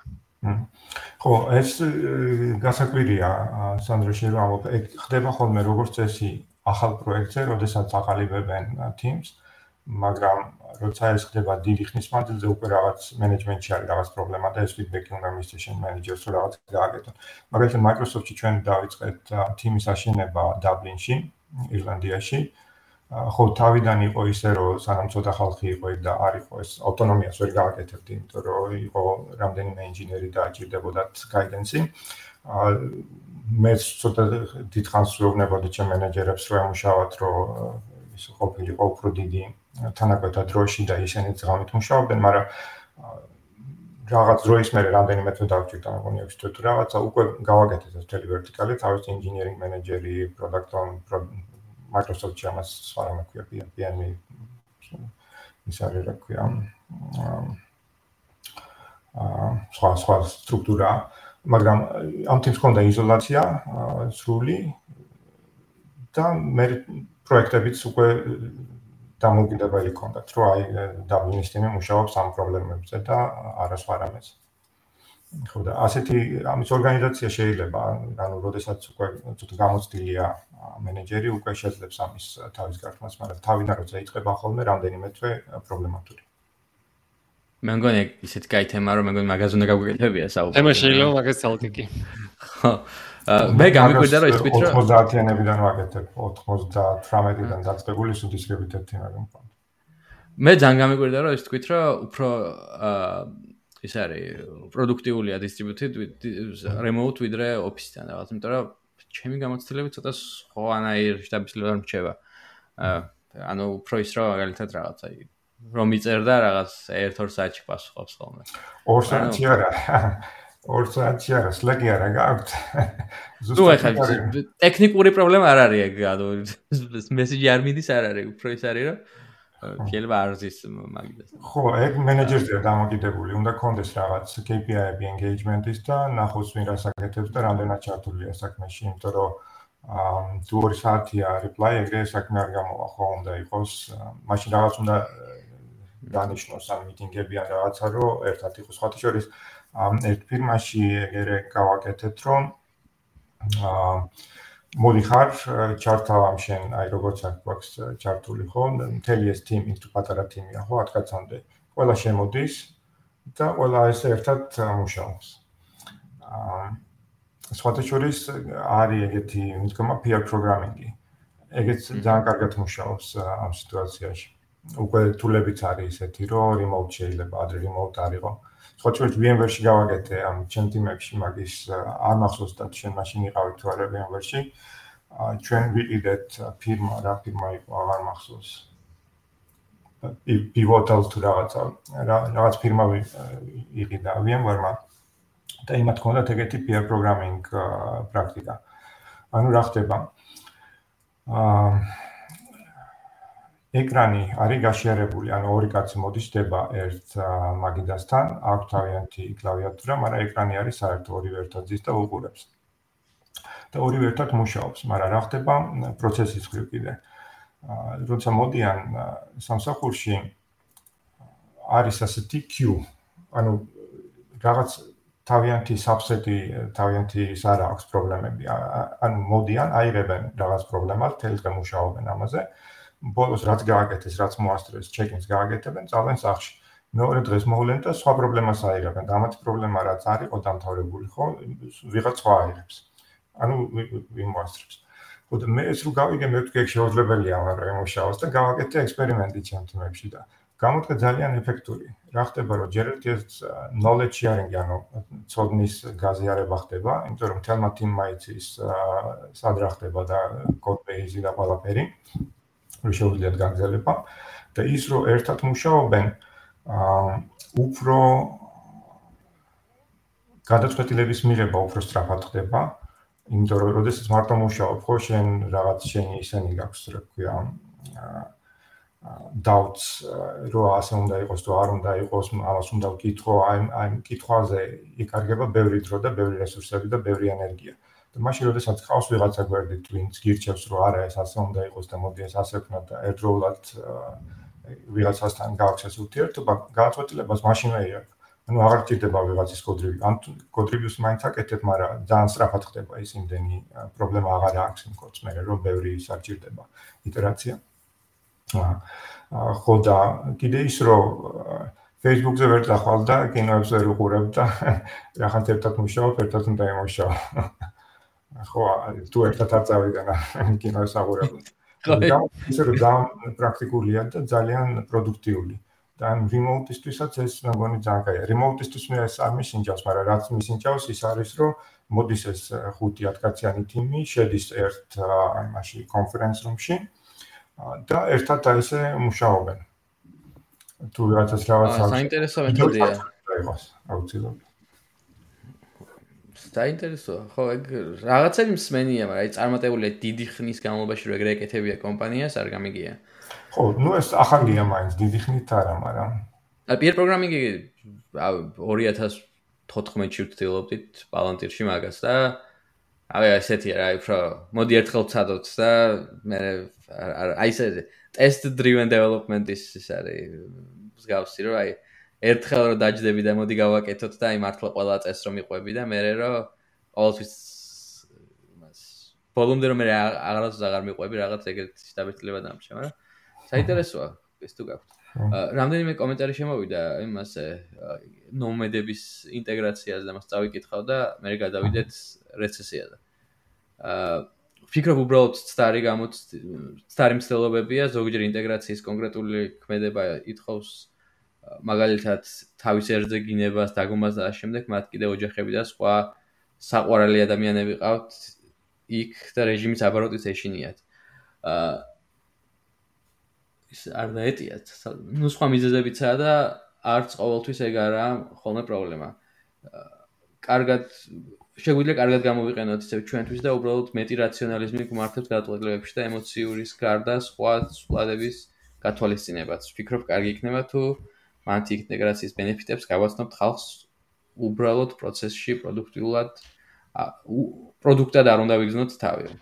დავით დავითმა და რუსების, ბელარუსების შემთხვევაში ეს შეიძლება დამჩა რომ თიდას ვერ ხედავენ ქართულ მიკრო ეკოსისტემაში ინტეგრაციაში. უბრალოდ აქედან მუშაობენ ამერიკულ ევროპულ კომპანიებზე ჩალიჩობენ მიგრაციას მაქეთ კომუნები დახურული აქვს საკმაოდ შეად ხვდებიან ერთმანეთს ძირითადი თემა რელოკაცია დასავლეთში ლევანმა ო ეგეც სწორია კი ანუ იმათთვის რა ის არის? თუ რაღაც ერთი თვითხარ გონია რომ ერთი თვითხარ ჩამოსული რა აზრი აქვს ალბათ? ეგეც არის. ხო ხო არა. დრო ამას დაალაგებს მე მგონი ის ვინც დიდხანს დარჩება უფრო ინტეგრირება გახდება.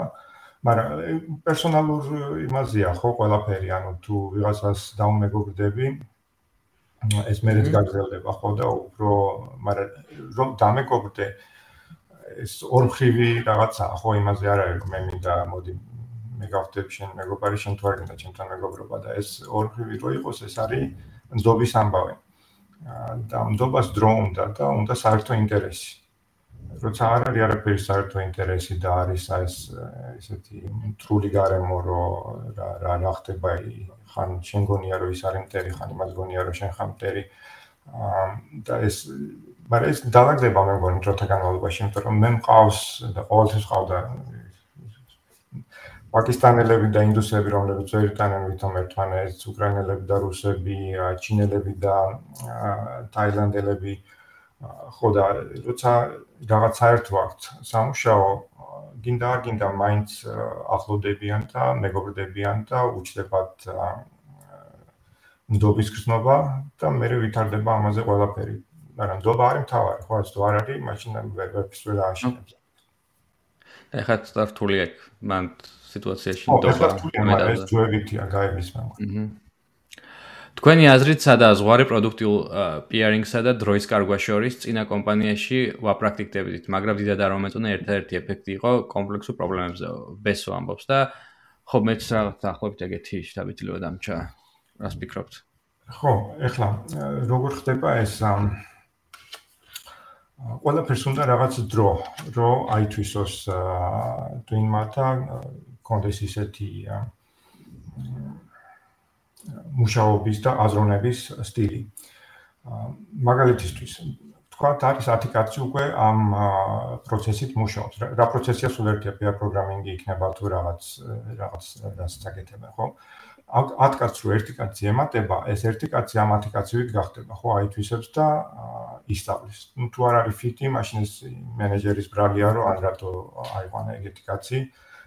თუ ფიტი არ იქნებოდა, ან უნდა გაუშვოს და სხვა აიყვანოს, მაგრამ იმის თქვა მინდა რომ როდესაც ეს community უკვე არის აწყობილი რაღაც პროცესი და რაღაც მეთოდი ერთი ან ორი რო ემატება ხდება ამათი ინტეგრაცია. ანუ ეს ინტეგრირებას უკეთებს ახალ შემოსულებს და მაშინ პრობლემა არ იქნება. მაგრამ თუ შენ ყავს ეს აპლიკაცია, ვინც სხვადასხვანაირად მუშაობს და ერთ დღეს გამოუცხადებს, რომ всё, ხვალიდან ასე მუშაობთ, ეს გამოიწვევს ქაოსს. მარტივად ვერ მოხდება ამაზე გადასვლა. ანუ ისიც უნდა დაგეგმო, ის კი არა რომ გამოაცხადო, რომ ხვალიდან ასე ვაკეთებ, უნდა რაღაც KPI-ები კონდეს, რითიც განსაზღვრავს პროგრესს, რომ კარგად მიდის, ცუდად მიდის, რომ visibility კონდეს, და უნდა კონდეს რაღაც გეგმა, რომ როგორ გადახვიდე ეტაპობრივად, რომ აი ერთი დღეს ასე ვქნათ, მეორე დღეს ისე ვქნათ და მე ნახე არის ამაზე მოთხოვნა თუ არა. ვერ დაანტალებ, ჩემთვის ყოველთვის არის ადამიანი, ანუ პროგრამისტი არ თუ ვინც არის თიმი, უფრო მნიშვნელოვანი ვიდრე პროცესი. პროცესი არის თიმისთვის და არა პირიქით. ხო? ანუ ამ თიმისთვის და ამ კულტურისთვის, რასაც ეს თიმი მუშაობს და როგორც ერთმანეთში არიან და რაც უფრო ეფექტურია, უნდა ეცანტო რომ ცოტა გაუმჯობესო. დროთა განმავლობაში უფრო გაუმჯობესდება. ის რომ პრინციპულად რევოლუცია გააკეთო და შეცვალო ძალიან რთულია.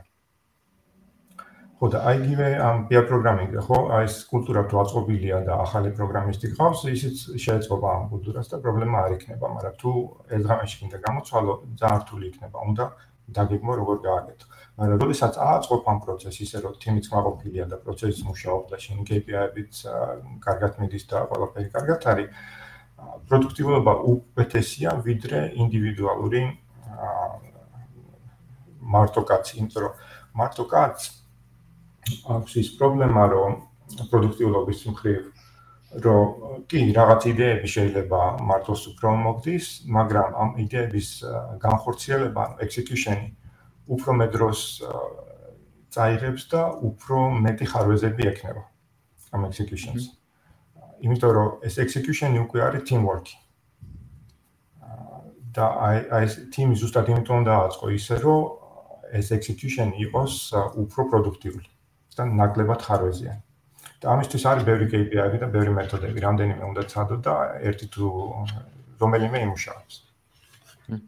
ერთ არის რომ knowledge transfer-ისთვის არის ძალიან კაი ეგრე მუშაობა, განსაკუთრებით აი მაგალითად აი პროდუქტიულობის თულებს რაღაც ერთი სხვა სიყენებს მეორე სხვას და რაღაც შეუძლიათ ერთმანეთს ასწავლონ ის გაკეთება როგორც ჯობია.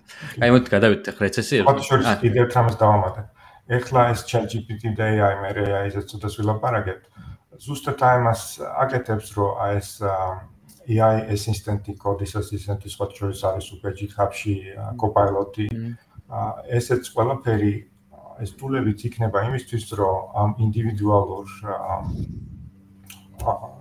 ადამიანს და პროგრამისტს კონდეს ეს ტულები, რომ უკეთესი გადაწყვეტილებები მიიღოს და უფრო პროდუქტიული იყოს ეს execution-ის ნაწილი, თორე იმ რა ქვია, ინოვაციურ ნაწილში ეს AI ვერ მიეხმარება, იმიტომ რომ ეს AI არის დაფუძნებული იმაზე, რა არის კოდის სტაილი, რა არის, ანუ რაც უკვე რაც უკვე GitHub-ში არის, რაც უკვე გაკეთებულია ვებაცის მიმართ, ხო? იქ შეუძლია ანალიზი გააკეთოს და ნახოს რა არის და მიგითითოს და მოგეხმაროს execution-ში. ანუ ეს ეს კოპაილოტი არის შენი PR პროგრამინგის არა რა ქვია PR აა ჰოერტ იმას შევასწორებ რომ ძალიან დავიკითხე დავითის კომენტარში რომ პროდუქტა და არ ვაგზნობ ვიგზნოთ თავიო და დავით ეწერა რომ არ ვაგზნობიოთ თავიო. ნუ მეორე მხარეს იყო და პირიქით დავიკითხე მაგრამ ნუ ხო აა კაი მოდით გადავიდეთ ახლა რეცესიებზე. აა რა ხდება? თქვენ როგორ ფიქრობთ? ერთი წლის წინ ყველაფერი კარგად იყო, სტარტაპებს ფულს აყრიდნენ, აი ლამის ეს დიდი კომპანიები ლამის ორმაგდებოდნენ ზომაში რაღაც. და ეხა უცებ ლეიოფები, სტარტაპები ფულს ვეღარ წევენ, აგერ ბანკი გაკოტრდა, რავი, 90-იანი საქართველოს გახდა Valley უცებ. რა ხდება? სხვა ჩვენ საქართველოში რა იქნება, ეგეც არ ვიცი, რომ დამოკიდებულია ამ გლობალურ ეკონომიკაზე. საქმე რაშია? მე ხლა ეკონომისტი არა ვარ, მაგრამ ცოტა ეკონომიკაც უნდა ვახსენოთ ალბათ. ამერიკაში არის market driven economy. ანუ რას ნიშნავს ეს? ცოტა პროგრამისტულად და მათემატიკურად რო ავსნათ, ეს არის დინამიური სისტემა, ანუ დიფერენციალური განტოლება. მაგალითისთვის რა ვთქვა, აი კურდღლები და მგლები, ხო? თუ ძალიან ბევრი მგელია, სულ შეჭამს ამ კურდღლებს და მე ორივე დაიხოცებიან, ხო, არავინ არ იქნება აზრები არ ხუთლები. ამიტომ არის დიფერენციალური განტოლების ამოხსნა არის ესეთი ელიფსოიდი, ხო, რომ კურდღლები იზრდებიან, მე რემკლებს მეტი საჭმელი აქვს და მგლებიც იზრდებიან, მგლების რაოდენობა, მე ბევრ კურდღლებს რო ჭამენ მგლებულობს და მოკლედ ეს supply demand-ი და მარკეტი არეგულირებს ამას. მაგრამ სამწუხაროდ ის ხდება, რომ კლიენტად market driven არ არის. ანუ არის ინტერვენცია თავრობის და ცენტრალ ბანკების მიერ. ევროპაში ეს უკვე დიდი ხანია არის და ფაქტურად ევროპაში აღარ არის ფრი მარკეტი. ამერიკაში მეტნაკლებად არის, მაგრამ მაინც ცენტრალ ბანკი აკეთებს ხოლმე ინტერვენციას. და რა მოხდა ამ ბოლო 2 წლის თუ 3 წლის მანძილზე იყო ეს ჯერ ერთი ამ ეს market driven economy ზუსტად ამ კულტურების და ანგლების მაგალითზე არის ციკლიური. ხო, იმიტომ რომ შესაძ oversupply არის რაღაცაზე, მე უკვე demand-ი აღარ არის და გლებულობს და მე supply-ს გლებულობს, ხო? აა და ეს recession-ები ხდება ხოლმე ყოველი 5-დან 10 წლამდე. რო შეხედო მთელ ამ ისტორიას 30-იანებიდან დაწყებული და აა ეხლა ხო ბოლოს იყო 2008 წელს, ანუ დიდი ხანი არ მომხდარა ეს რეცესია, არ მომხდარა იმიტომ, რომ ხდებოდა манипуლირება ამისი ცენტრალური ბანკის და მთავრობის მიერ. აა დიდი რეცესია ტექნოლოგიაში იყო 2000-იანებში და მაშინ რაღაც საშინელებები ხდებოდა. 2008-ში ეს არ იყო ტექნოლოგიებზე, იყო უფრო აა გამოწვეული იყო უფრო real estate-ით და მაგრამ ცოტა ტექნოლოგიებზეც იქონია გავლენა. ეხლა ყველაფერზე არის გავლენა და ეხლა არის საშინელება და რა ხდება ეს რომ ამ კოვიდის დროს რომ შეეშინდა ყველა ქვეყნის თავრობას რომ ამ კოვიდზე შეიძლება დიდი გავლენა მოხდეს და ეკონომიკა შემცირდეს ამერიკა მოახდინა რას ეძახიან მაგას ანუ ბევრი ფული დავეშლა და ჩატო სტოკ მარკეტში ამით გადაარჩინა მარკეტინგს და ეკონომიკაც, მაგრამ გამოიწვია ის შედეგები, რაც ახლა უყურებთ. ერთი არის ინფლაცია. აა რო უკვე ეს free money იყო და ფულს ფაქტურად რაც ამბობთ რაღაც ეკონომისტი რობერტ ალიოტიდან, ვერფრენდიდან ხრიდან ფულს. აა ამას გამოიწვია ერთი მხრივ ეს ინფლაცია. ახლა ამ ინფლაციასთან ბრძოლა დაიწყეს პროცენტების აწევით. რაც სამწუხაროდ ჯერჯერობით ვერც ინფლაციას ხო quantitative easing ვერც ინფლაციას ერევა ჯერჯერობით ცოტა კი შეანელა და მეორე მხრივ ეკონომიკასაც ანელებს. და მე მგონი სამწუხაროდ კიდე ბევრი რაღაც მოყვება. ახლა რა მოხდა Silicon Valley Bank-ზე? რომ Silicon Valley Banks და ყველა ბანკს საერთოდ ამერიკაშიც და ყველგანაც აქვს ფული ესე მუთაკაში არ უდევთ ხო ამ ფულს დებენ ინვესტიციებში, ანუ რაც ფული შემოდის დეპოზიტებით კლიენტების მხრიდან ამ ფულს დებენ ინვესტიციებში და დებენ ბონდებში. ხო და ამ ბანკსაც ნაკედი ქონდა ეს ამერიკის თავრობის ბონდები, რომლებიც იყვნენ 1%-იანი, 2%-იანი. ახლა 2%-ები გაიზარდა, ლიკვიდურობა ამ ბონდებმა დაკარგა. და როდესაც მივიდა ხალხი და მოთხოვა რომ ფულის გატანა მინდა, ამდენი ფული ხელზე არ ქონდათ, ანუ უნდა გაიყიდათ ეს ბონდი, რომ მისცენ ამ რა ქვია დეპოზიტორს თავისი ფული. მაგრამ ეს ვერ გააკეთეს, იმიტომ რომ არავის არ უნდა ამ ბონდების ყიდვა, იმიტომ რომ დღეს უკვე მაღალი პროცენტებია. ხო და ამდენად ლიკვიდურობა არ აქვს და ფაქტურად გაიჭედენ ამაში, რომ ეს პანიკის მომენტიც იყო. ახლა რა მოყვება ამას არ ვიცი, ნახავთ კიდე გააჩნია რა რა სიტყვის ეს ფედერალი რა რა ინფორმაციას გაუშვებენ და რა მოხდება, იმედია პანიკა არ იქნება. ეგეთი ბანკები ბევრი არაა, რომ ეს ლიკვიდურობა არ აქვს. ანუ ყველა საფრთხეს ბონდები, მაგრამ არავის არ ეშქარება ამის გაყიდვა იქნება ეს 5 წელი ათელი. უბრალოდ ბანკებს უნდა კონდეთ საკმარისი კეში და საკმარისი ლიკვიდურობა, რომ დაგმაყოფილონ მეანაბრების მოთხოვნა თუ არის. და დიდ ბანკებს ეს პრობლემა არ ექნება, ასე რომ არ ამგონია ეს ბანკების პრობლემა იყოს დიდ სკეილზე ამერიკაში, მაგრამ ფაქტია ის, რომ ამ პულის ჩადებით და ხელოვნურად გადატანით ამ რესესიის უფრო რთული რესესია მოხდება და უფრო ცუდი შექნება კონსეკვენსის თუ რა დიდხანს გაიწელება და უფრო უფრო ღრმა იქნება ალბათ თუმცა ესეც არ არის გარანტირებული, იმიტომ რომ შეიძლება კიდე რაღაც გააკეთონ ისეთი, რომ კიდე გადადონან არ მოხდეს ეს რესესია საერთოდ ესეც არავინ არ იცის. ანუ თუ უყურებთ ამ ფინანსურ არხებს Bloomberg-ს და იმას მოკლედ ხან ერთი კაცი გამოყავთ რომ 60 დღეში დაინგრევა ყველაფერი, ან მეორე გამოყავთ რომ არაფერი ყველაფერი კარგად იქნება. ნახავთ. აა რაც შეეხება ტექნოლოგიებს, ტექნოლოგიებზეც მოხდა ამის გავლენა, იმიტომ რომ ჯერ ერთი რომ ინვესტიციები აღარ არის ასე ადვილი, თუმცა რაღაც სფეროებში, ხელოვნური ინტელექტში და რაღაც სფეროებში ჯერ კიდევ არის. თუმცა უფრო როგორ თქვა ადრე თუ ისე პასუხს გაძლევდნენ ამ ფულს, ახლა ცოტა რაღაც გარანტიები უნდა და ცოტა უფრო რთული ამ ფულის აწევა, მაგრამ მაინც შესაძლებელია. და კიდე ის რომ ეკონომიკა რომ ცირდება, შესაბამისად მოგება ნაკლები აქვს კომპანიებს.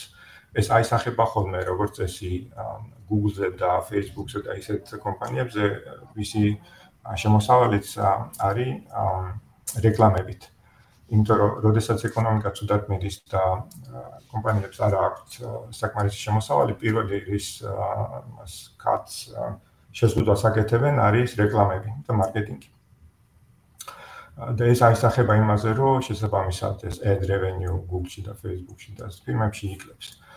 ეს რო იკლებს თვითონ Google-ს და Facebook-ს და სხვა ფირმებსაც უმეტესობა ძალიან ბევრი ტექ კომპანია მუშაობს ასეთ მოდელზე, რეკლამების მოდელზე.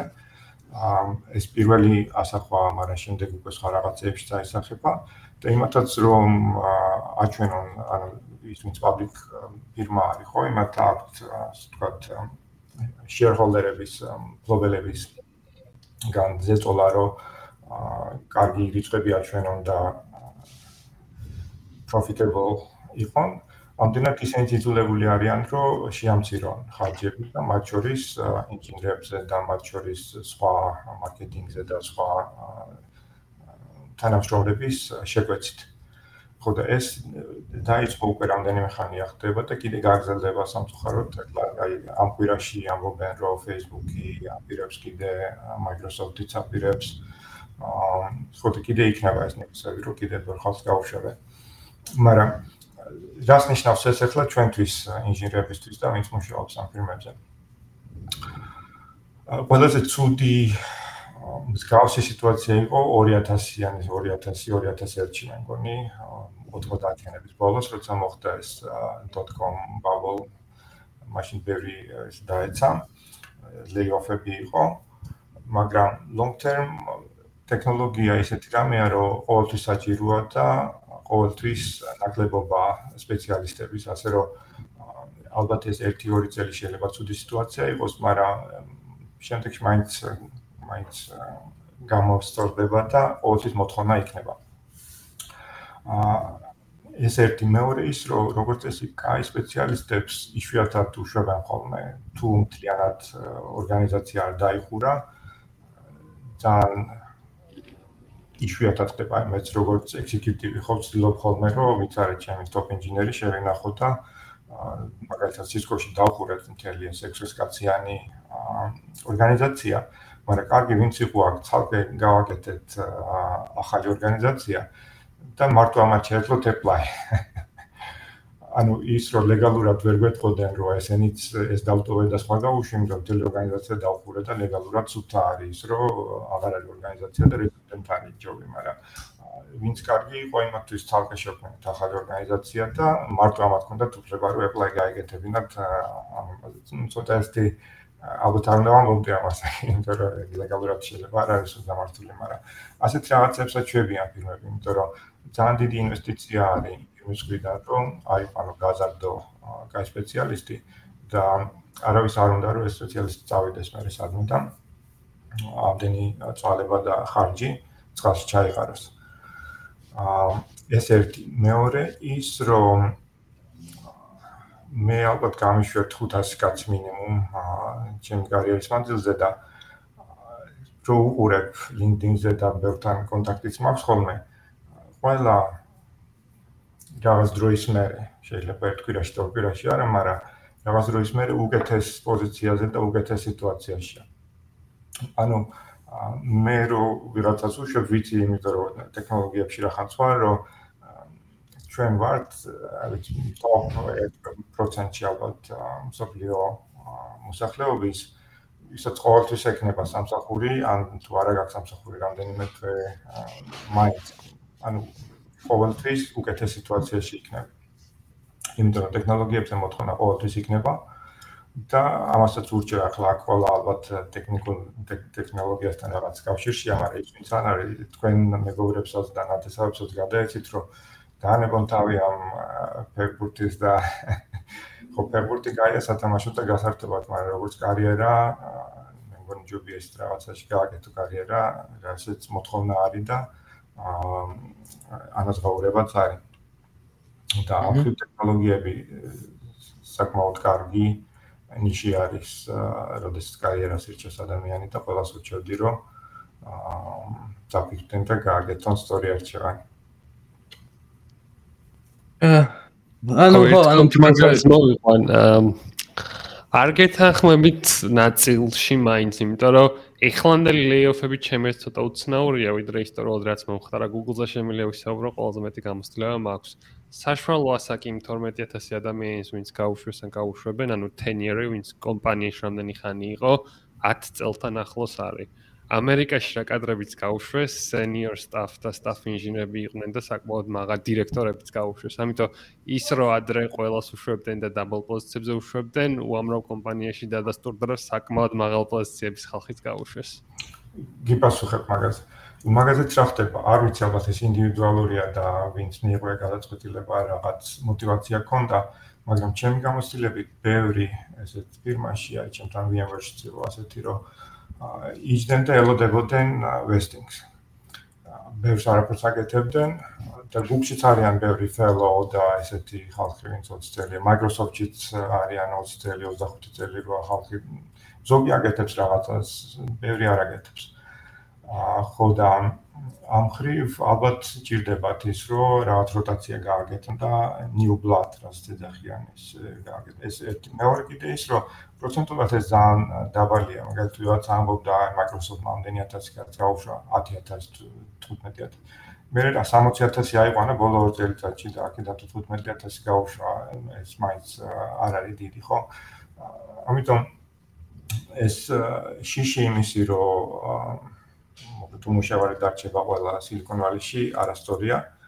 აა და დიდი დიდ მასშტაბებზე არ არის აქ ლაპარაკი. ისევე თუ შევხედავთ ისტორიულად, ხო, როგორც Microsoft-მა 60000 კაცი აიყვანა ბოლო ორ წელიწადში, მანამდე ჯამში არის 250000 კაცი. და თუ აქედან გავუშვათ 13000, ეს დიდი პრობლემა არ არის მანდა მაინც. და ეს სხვა შორის კარგია სხვა სტარტაპული და ტექნოლოგიური ეკოსისტემისთვის, რომ ეს ხალხი ვინც წავა ასეთი გამოცდილებით, ხო? სტარტაპებს შეუძლიათ დაიყვანონ უკვე. და ამ გამოცდილებას და ცოდნას და ნეტვორკს დაიღებენ ამ სტარტაპებში და ეს ხელშეუწყობს უფრო განვითარებას და ამ გამოცდილების გადანაწილებას სხვა ფირმებში. კი უბრალოდ მან ერთი მნიშვნელოვანი ფაქტია სათქმელი. საშუალო ხელფასები დაბლა დადის ყოველ დღე, იმიტომ რომ სტარტაპის მაგალითად აღარ დარჩათ ფული, შესაბამისად უამრავი ასობით ათასი ადამიანია გაშვ ანუ 100-დან 200.000 ადამიანამდე უკვე გამოშვებული, კიდე მეც გამოუშვებენ, იციან ეს ფაქტი, ამიტომ საშუალო დილები, რომლებიც დღეს იდება, გაცილებით ცოტა არა, მაგრამ შესამჩნევად ცოტა ნამდვილად არის. კი, მაგაში გეთანხმები, ხელფასები დაბალია, იკლებს ცოტათი. მაგრამ მაგასაც თუ შევხედავთ ამ ბოლო რამდენიმე წლის მანძილზე კოვიდის ძალიან ის იყო რა ქვია აწეული და ყოველ ორთვეში იმას ითხოვდნენ რა ქვია ზრდას იმიტომ რომ ინფლაცია ეს არის ეს არის. ეს ერთია კი ხელფასები დაიწყო მაგრამ ეს დროებითია და აიწევს ისე თან ახლა გავშახედოთ თვიური ანაზღაურება მოიგო რამდენი ბევრი წარმოიდგინა ხო ახლა 60 დოლარით მეტი ნაკლები ალბათ არ წვითავს არაფერს. ეს ერთი და მეორეც კიდე ბევრი ვის ვინც ამ კაი ფირმაში ამ Microsoft-ში, Google-ში, Facebook-ში და ზოგ სტარტაპებში total compensation ანუ სრული კომპენსაცია არ არის მარტო ხელფასი ხო ეს არის? ხელფასი, ბონუსი და equity-ი რა ქვია მას ქართულად. equity მე მგონი ქართულად არც აქვს შესაბამისი კანონშიც არ ვიცით არც ვაღიარებთ. არც არსებობს ეგეთი რაღაცა რომ equity გამოიყენოთ. ეს არის აქციები. ხო, აქციები, ანუ profit sharing, ანუ ეს ეს ეს სხვა შორის ეს ამერიკაში უფრო არის. თუ შეხედა, მე მყავდა თიმები გერმანიაში და სხვა ქვეყნებში, არც უნდათ რომ ამყავს ვიღაცა და ინტერვიუს უკეთებ.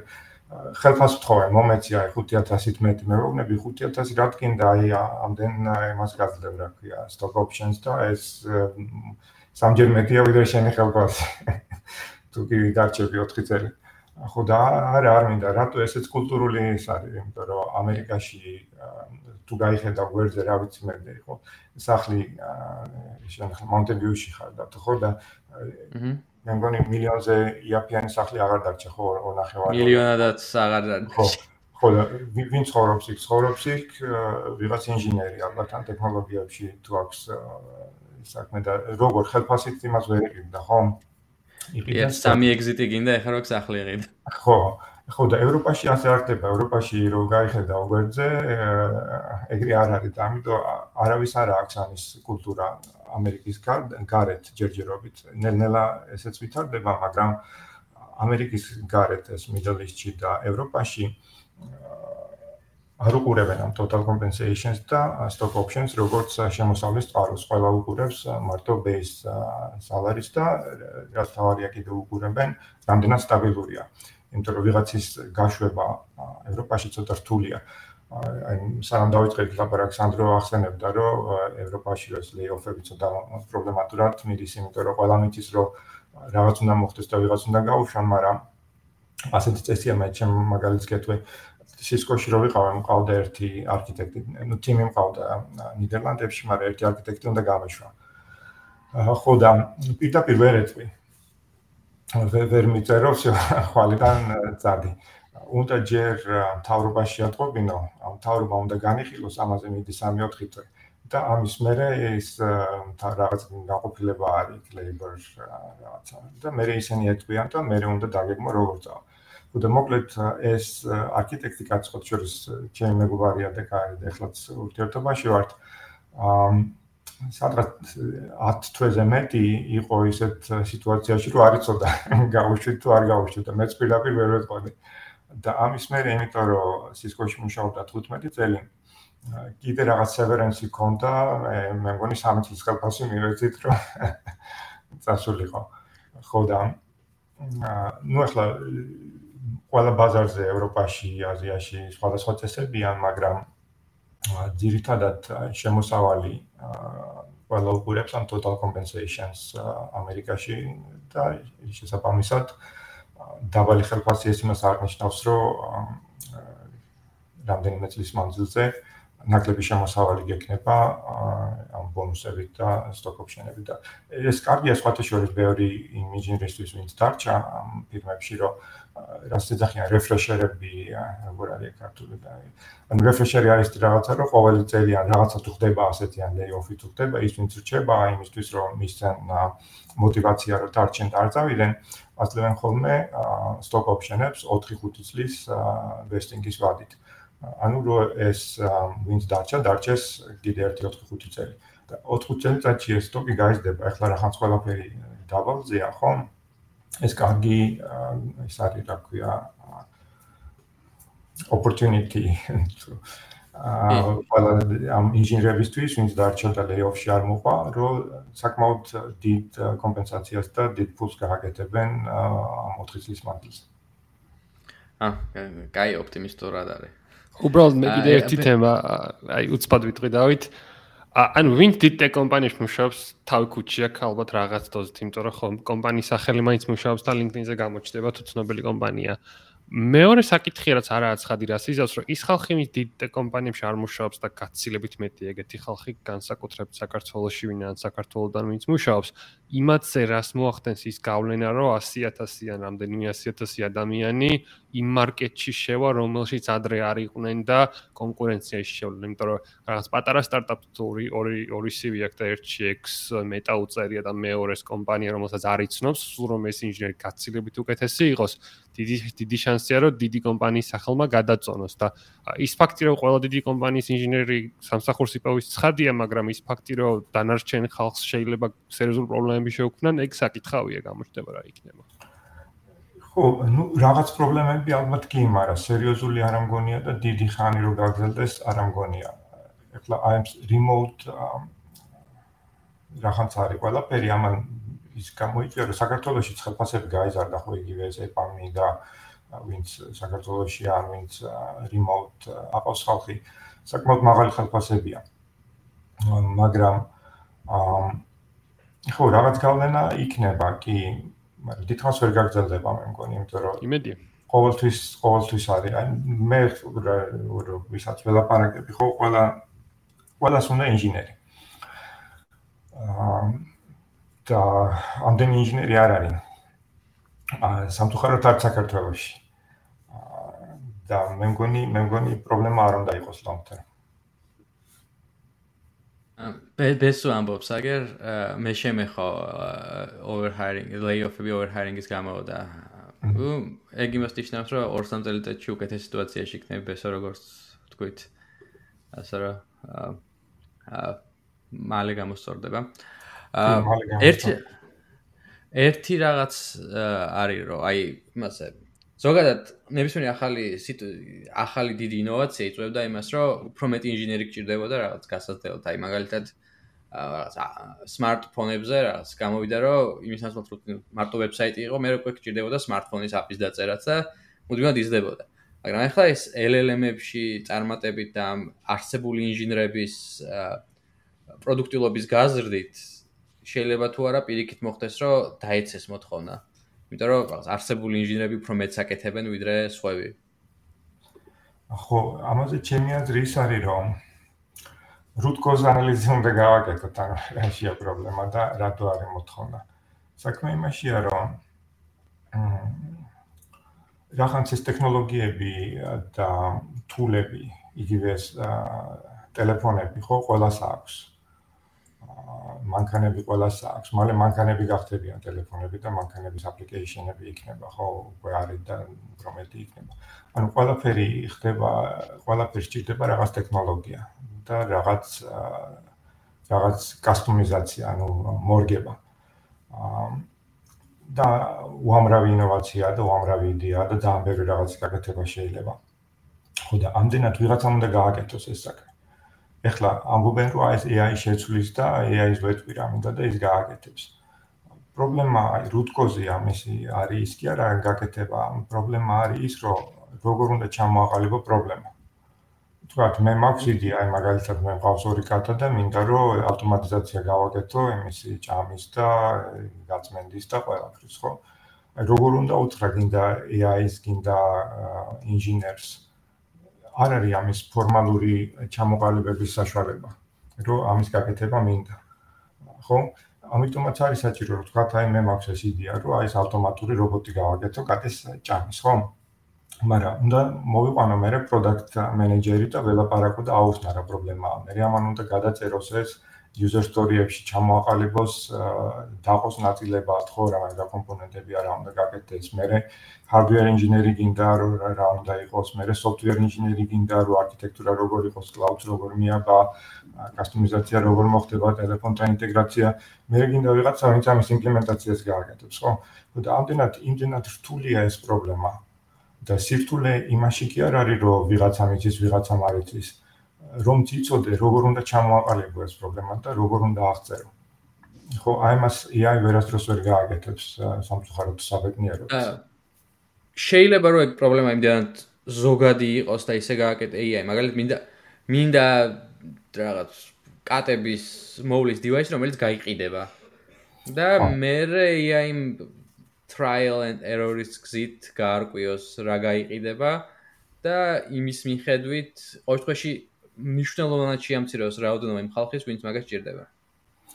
მაგ გაკეთებას. სამწუხაროდ არ შეიძლება, იმიტომ რომ ის რაც ზოგადია ამის ავტომატიზირება უკვე ხდება, მაგალითად არის low code პლატფორმები და no code პლატფორმები, სადაც drag and drop-ით და რაღაცნაირად, მაგრამ მაინც რაღაცნაირად უნდა ჩამოაყალიბო შენი პრობლემა, რა გინდა ხო, მაგრამ იქ არის ეს კომპონენტები, რასაც პირდაპირ reusable არის და გამოიყენებ.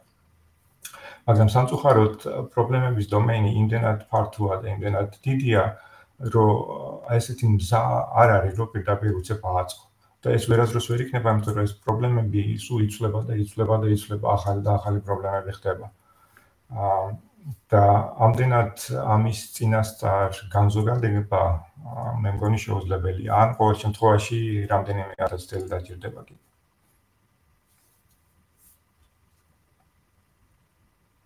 აა, დარი. აა, ხო, შეიძლება არც მე ცოტა უფრო ფრთხილად ვეკიდები მაგას. განსაკუთრებით აი თუ ჯუნიორ ინჟინერი ხარ, მგონია რომ ამაზე შეიძლება მნიშვნელოვნად შეამციროს მოთხოვნა.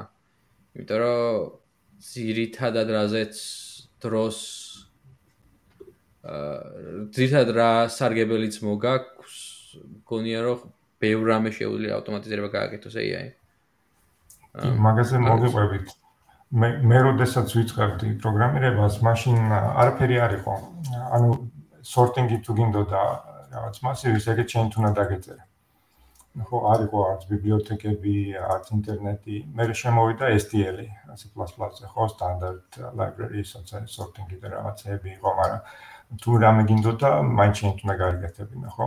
დღესდღეობით ეს open source-ებით და ყველა community უამრავი რაღაცა, მithumetes ახლა AI-ში მათ შორის აი გადავიდეთ აი აი ძალიან სწრაფად ვითარდება.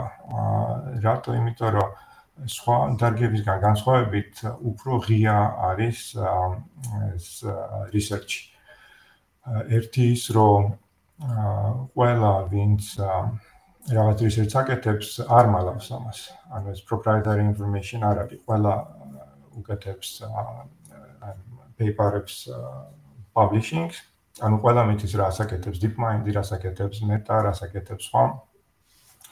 და თან ეს ნანობენ ხა მაგას. არ ვიცი. თან ეს პეიპერიც არის ხელმისაწვდომი ყველასთვის. არის archive.org არის ვებ გახდება სხვა თქვა იგი ფუნდამენტურ მათემატიკაშიც კი არ არის ეს პეიპერები ხელმისაწვდომი უნდა იყოს რაღაც წევრი რაღაც ორგანიზაციის აკადემიაში ეს მიწევა კონდეს ან სტენფორდი თან რაღაცი თან და ფული ხადო როდესაც AI-ზე research-ი არის ღია. გარდა ამისა არის უამრავი ბიბლიოთეკები და უამრავი პლატფორმები და ყველაფერი, რაც ძალიან მარტივად შეიძლება დაწყება და გაგება.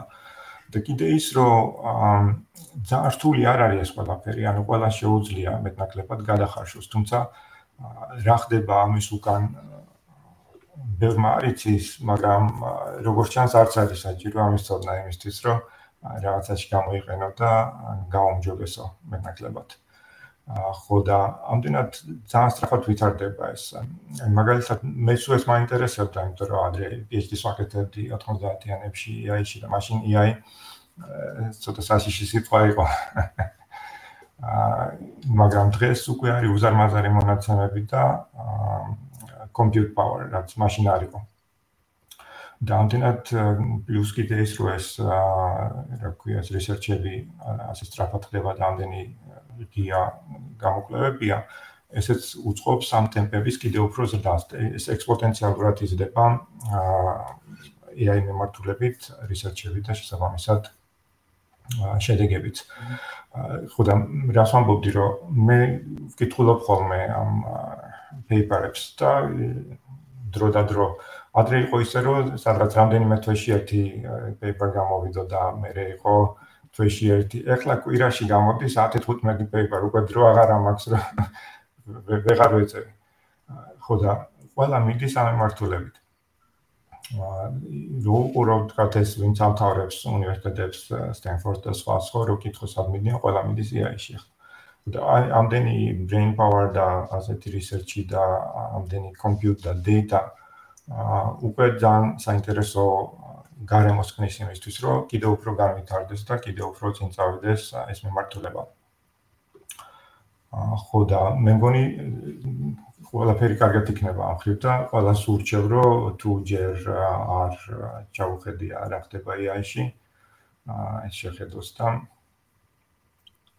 რადგან რადგან ბლოკჩეინში აღარ მიდის ეგ ხალხი კაია ხო ეს არის აა აი AI singularity-ზე რა საერთოდ რა არის ეგ და თქვენ რას ფიქრობთ? ხო. მოკლედ ცოტა ფილოსოფია უნდა დავიწყოთ და ცოტა ტვინზე არ ვიცი დრო რამდენი გვაქვს მეგონი გადავაჭარბეთ ხო? მე არ მეჩქარება თქვენ თუ არ გეჩქარებათ. მეცდები მაინც და მოკლედ აა საიდან მოდის ეს მოკლედ მათემატიკურად არაფერი ისეთი სერიოზული ის რა ქვია foundation არ აქვს ამ AI-ს მოდჯერია ის დავიწყოთ რა არის AI საერთოდ ხო? ჯერ ერთი რო ქართულად ითარგმნება ხელოვნური ინტელექტი. ინგლისურად არის artificial intelligence. intelligence და intellect ერთი და იგივე არ არის. intelligence არის ინფორმაციის მოგროვება და დამუშავება და ინტელექტი არის ინტელექტი ჩვენი გაგებით.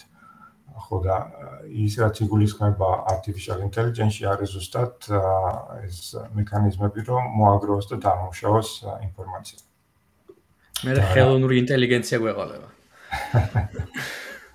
აა ხო ეს ერთი ეხლა რო შეხედოთ ისტორიას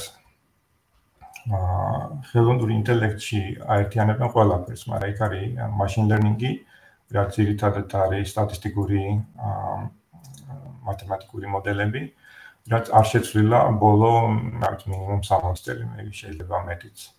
აა უბრალოდ რა მოხდა, რომ დაიხვეწა ეს ალგორითმები, დაიხვეწა მათი compute power და ოპტიმიზაცია. და ბიბლიოთეკებია და უფრო ადვილად შეიძლება, მაგრამ ესად არის არის ეგეთი სტატისტიკური პროგრამირების ენა უკვე ყველაფერია და Python Python-შიც არის ხო NumPy-თონი და ესენი რა ქვია, ბევრი ეს არის რა ქვია, საცა პირდაპირ შეიძლება აიღო ეს მოდელი, Mr Data Fit გაუკეთო დაყო ეს data, უნდა დაყო training-ად, testing-ად, მათ ხო და მოკლედ ეს პროცესები ყველა ძალიან მარტივია და გაწყობილი. და ბევრი twin-ის ჩლეტო ასე თქვა, წარჭირდება იმას, რომ გაიგო ეს მოდელები. მაგრამ ეს machine learning მოდელები არ არის ინოვაცია, უბრალოდ არის დახვეწილი და გაუმჯობესებული. ის რაც არის ინოვაცია, ეს არის უფრო რას ახლა ეძახიან deep learning. ანუ ღრმა სწავლება. და ამ ღრმა სწავლებას სამწუხაროდ ეს მათემატიკური მოდელი და მათემატიკური ფუნდამენტი არ გააჩნია. ანუ არის უფრო ემპირიული მეცნიერება. ეს deep learning-ი, ანუ რა ხდება აქ, რაღაც ტოპოლოგია ხელოვნური ნეიროქსელის და ამ ტოპოლოგიას ასე გააკეთებ თუ ისე გააკეთებ, თუნდაც აი ძალიან მარტივი რაღაცა არის, ესეთი convoluted neural networks ხო, რასაც ვიზუალ ინფორმაციის დამუშავებაში იყენებენ.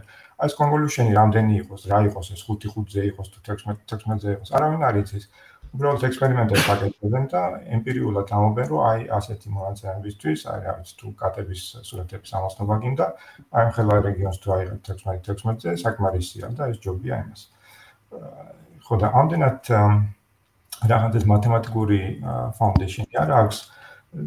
ეს თავიდან არ ქონდა დიდი ეს რა ქვია იმიტომ რომ compute power არ იყო იმდენი რომ რეალური პროგრამების გადაწყვეტა შეძლებოდა და ამიტომ უყურებდნენ გასართობ როგორც გასართობ რაღაცას ამ deep learning deep learning-ის მეორე შემოვიდა ეს ტერმინი მანამდე იყო უბრალოდ ნეიროქსელები და მე შემდეგ მოხდა ის რომ მივხვდნენ იმას რომ რამდენიმე ლეიერი უნდა იყოს ანუ ერთი არამედ შეიძლება რამდენიმე ასეული და ასე დაიწყო ეს deep learning-ი, რასაც ახლა აქვს ძალიან დიდი traction და უკვე სერიოზულ პრობლემებს აწვდით და ეს ChatGPT-ი პოპულარიზაცია გააკეთა ამ დარგის და მიმართულების, რაც ძალიან კარგია.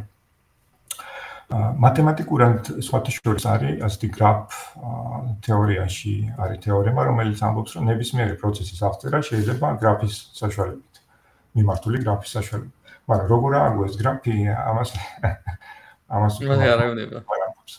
ხო და თუ შეხედავთ თელ მას ჯერეთ ჩვენ ტვინი როგორ არის მოწყობილი და მთელი სამყარო და ეს ინფორმაციის გავლენა იგივე ინტერნეტი და იგივე ყველაფერი ეს ინფორმაციის დამუშავება ეს არის მიმართული გრაფი და სხვადასხვა ტოპოლოგია არის უფრო მორგებული სხვადასხვა ტიპის ინფორმაციის დამუშავებისთვის. აა კიდე ერთი შეიცვალა ამ წლების მანძილზე, რომ უამრავი ინფორმაცია დაგროვდა, რაც არის ხელმისაწვდომი, რაზეც აი ChatGPT-ებს და GPT-4 ტრეინინგს უკეთებენ ახლა.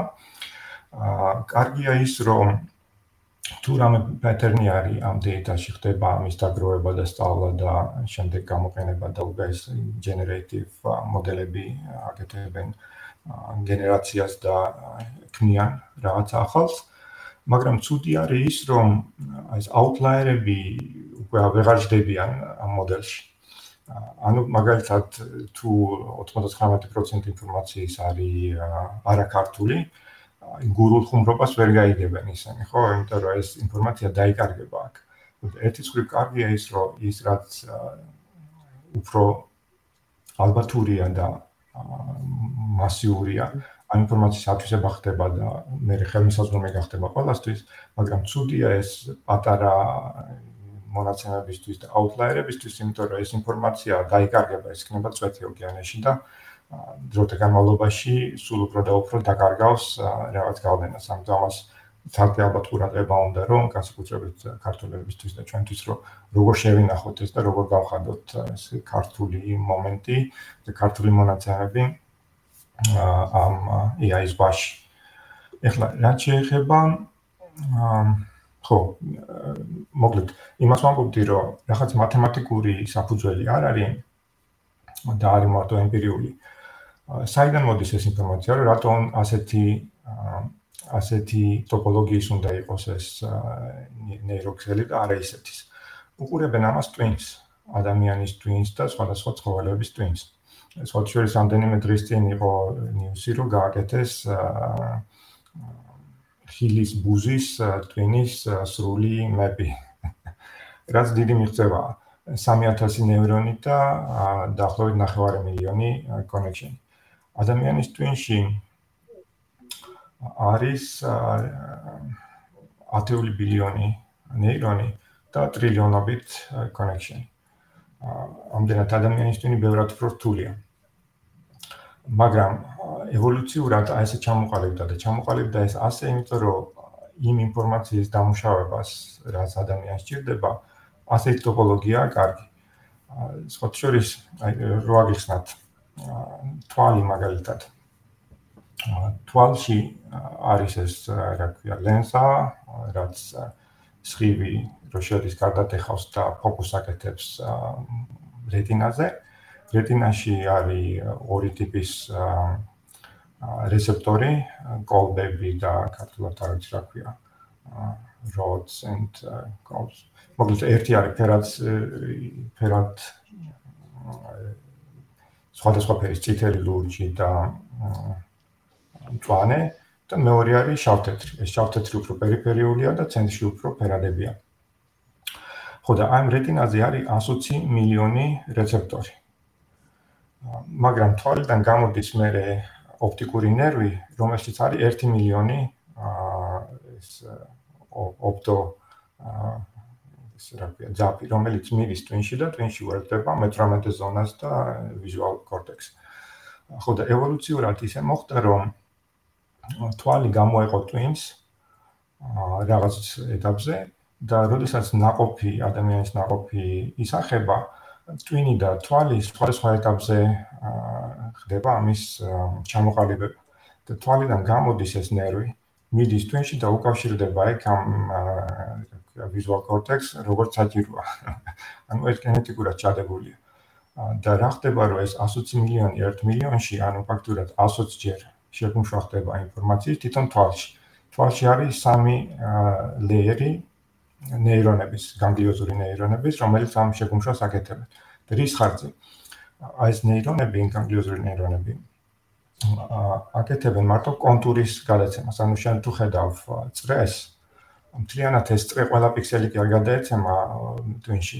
გადაეცემა მარტო კონტური, ანუ წირი და ფერი.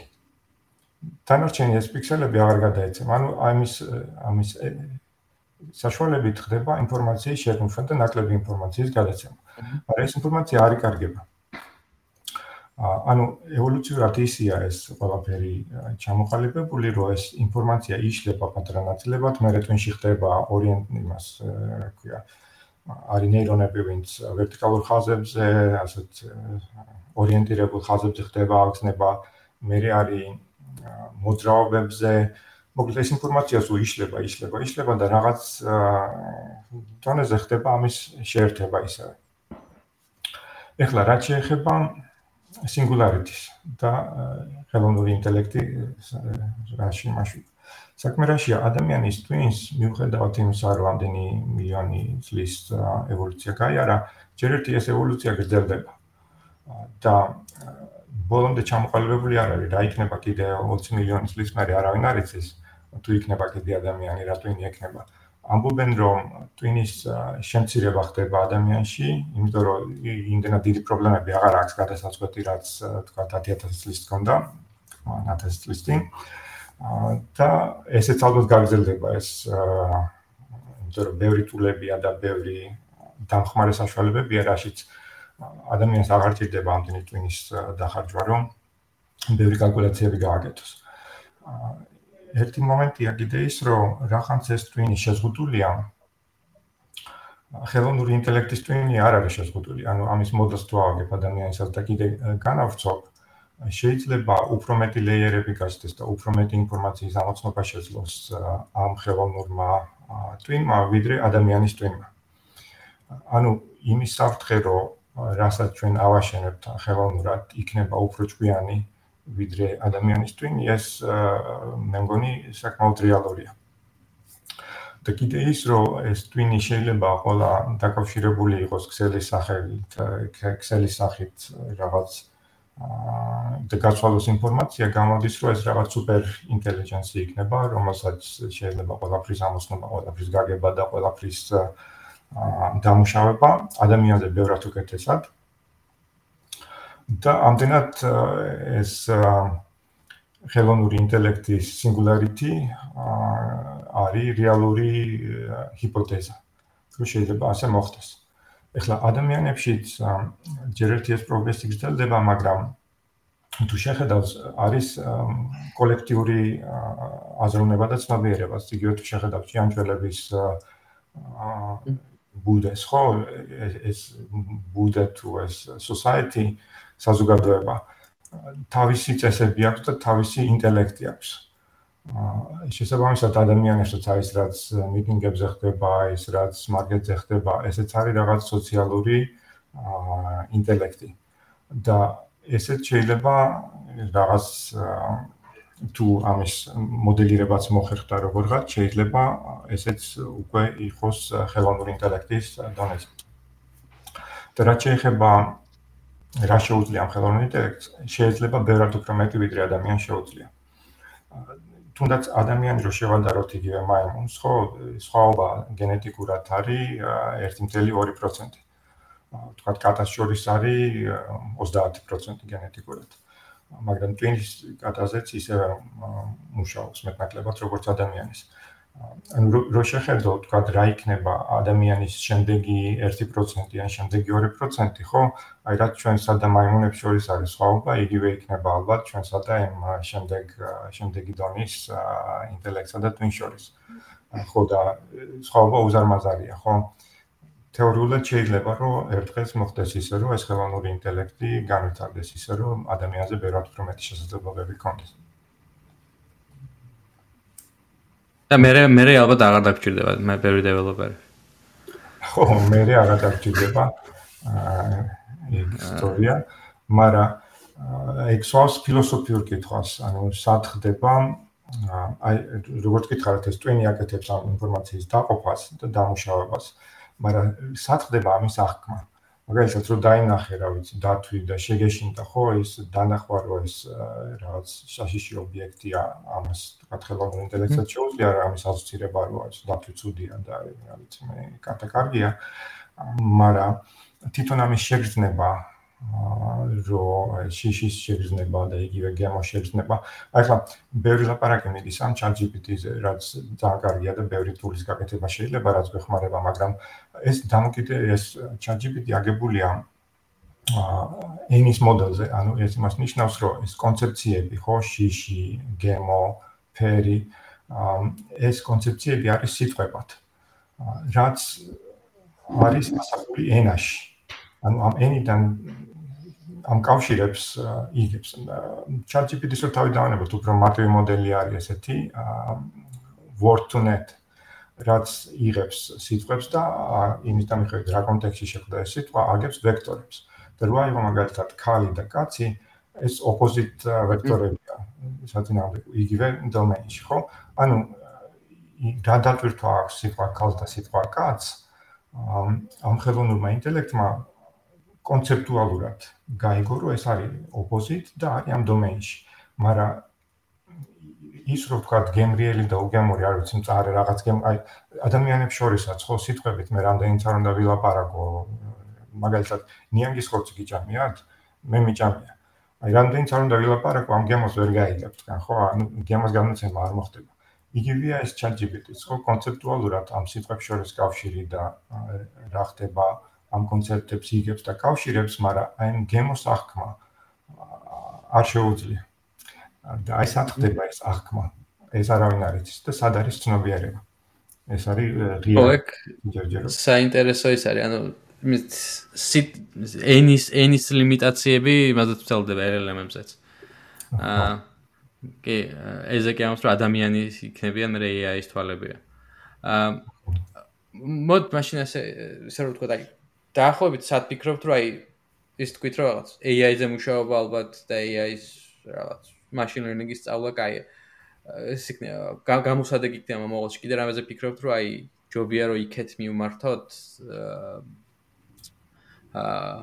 ჩვენი ძალები ეგრეთი კითხვა ჩემოვიდა დაახლოებით გავსი ხო, AI-ში რაც შეეხება პერსპექტიული მიმართულებები არის reinforcement learning-ი და stable diffusions, რაც ეძახიან ახლა ეს მოდელებმა უფრო პროგრესია ჩვენეს იმხრივ რომ ანუ diffusion-ი რა არის რომ რაღაც noise ხმაურის injection-ი ხდება და train-ს აკეთებენ მე neural network-ის იმაზე რომ ეს ხმაური მოაძროს და გაწმინდოს. და ეს რამდენიმე ლეიერზე რო გააკეთებ მაგის ტრეინინგს და გენერირებულ generative model-ებს გაუკეთებ ამ diffusions. შედეგი ბევრად უკეთესია. და ეხლა ეს არის ძალიან დიდი პოპულარული მიმართულება, რასაც მე მგონი ბევრი კარგი შედეგი მოყვება მალე. ხო და რთული არ არის ამის ათვისება მანდა მაინც, იმიტომ რომ როგორც თქვი, მათემატიკურად ძალიან მარტივი მოდელია იქ, რომ ფაქტურად ორი ნეირონი გაქვს რფეარი, თუ სამი ნეირონი გაქვს არის, ну ეს ძალიან პრიმიტიულ რაღაცაა, მაგრამ აი deep learning-ში რა ხდება და რატო ხდება ეს უფრო ემპირიული საქმეა და ცადო და ნახო. ხო, და ამდენად თუ აიქვისებ რა ხდება და ამიტომ ეს პროგრესიც არის ნაბიჯ-ნაბიჯ, ხო, ვიღაცამ ერთი პეიპერი გამოაქვეყნა, რომ აი ესე გავაკეთე, მე ვიღაცამ ეს stable diffusion-ი გააკეთა, მე ვიღაცამ აიღო და მოდი ამას გავაერთიანებ, ნახოთ რა მოხდება და ამ შედეგებს უყურებენ და საკმაოდ კაი შედეგებია. და ამის ათვისება არ არის მანდა მაინც თუ იგივე ეს ფუნდამენტურ მათემატიკაში, ხო, 10 წელი უნდა ისწავლო, მე კიდე 5 წელი პრობლემა უნდა ეძებო, მე ამ პრობლემას შეიძლება ამოხსნა საერთოდ არ კონდეს და ფაქტურად დაკარგი ამდენი დრო, ხო? თუ ამოხსნა აქ მე შეიძლება ან ვიღაცამ დაგასწროს ან თუ მარტივი ამოხსნა იყო მაშინ არაფერი არ გამოვა მაინც ხო და ამ ამ ფუნდამენტურ მათემატიკაში წასვლას ალბათ ჯობია ცოტა მათემატიკა და ცოტა ემპირიული ხელოვნური ინტელექტი ძალიან კარგი შედეგებია, ძალიან სწრაფად და თუ ვინმე ამ მიმართულებით რამ რესერჩს აკეთებს, ვჩვენდი რომ გააგრძელოს. ბოლო ორი კითხვა და ვსა. აა ერთი არის რომ დავიცა AI საჯარო სერვისებში და მთავრობისში რა ფუნქციის ჩანაცვლება შეუძლია AI-ს. აა და მეორე მე დავსვამ.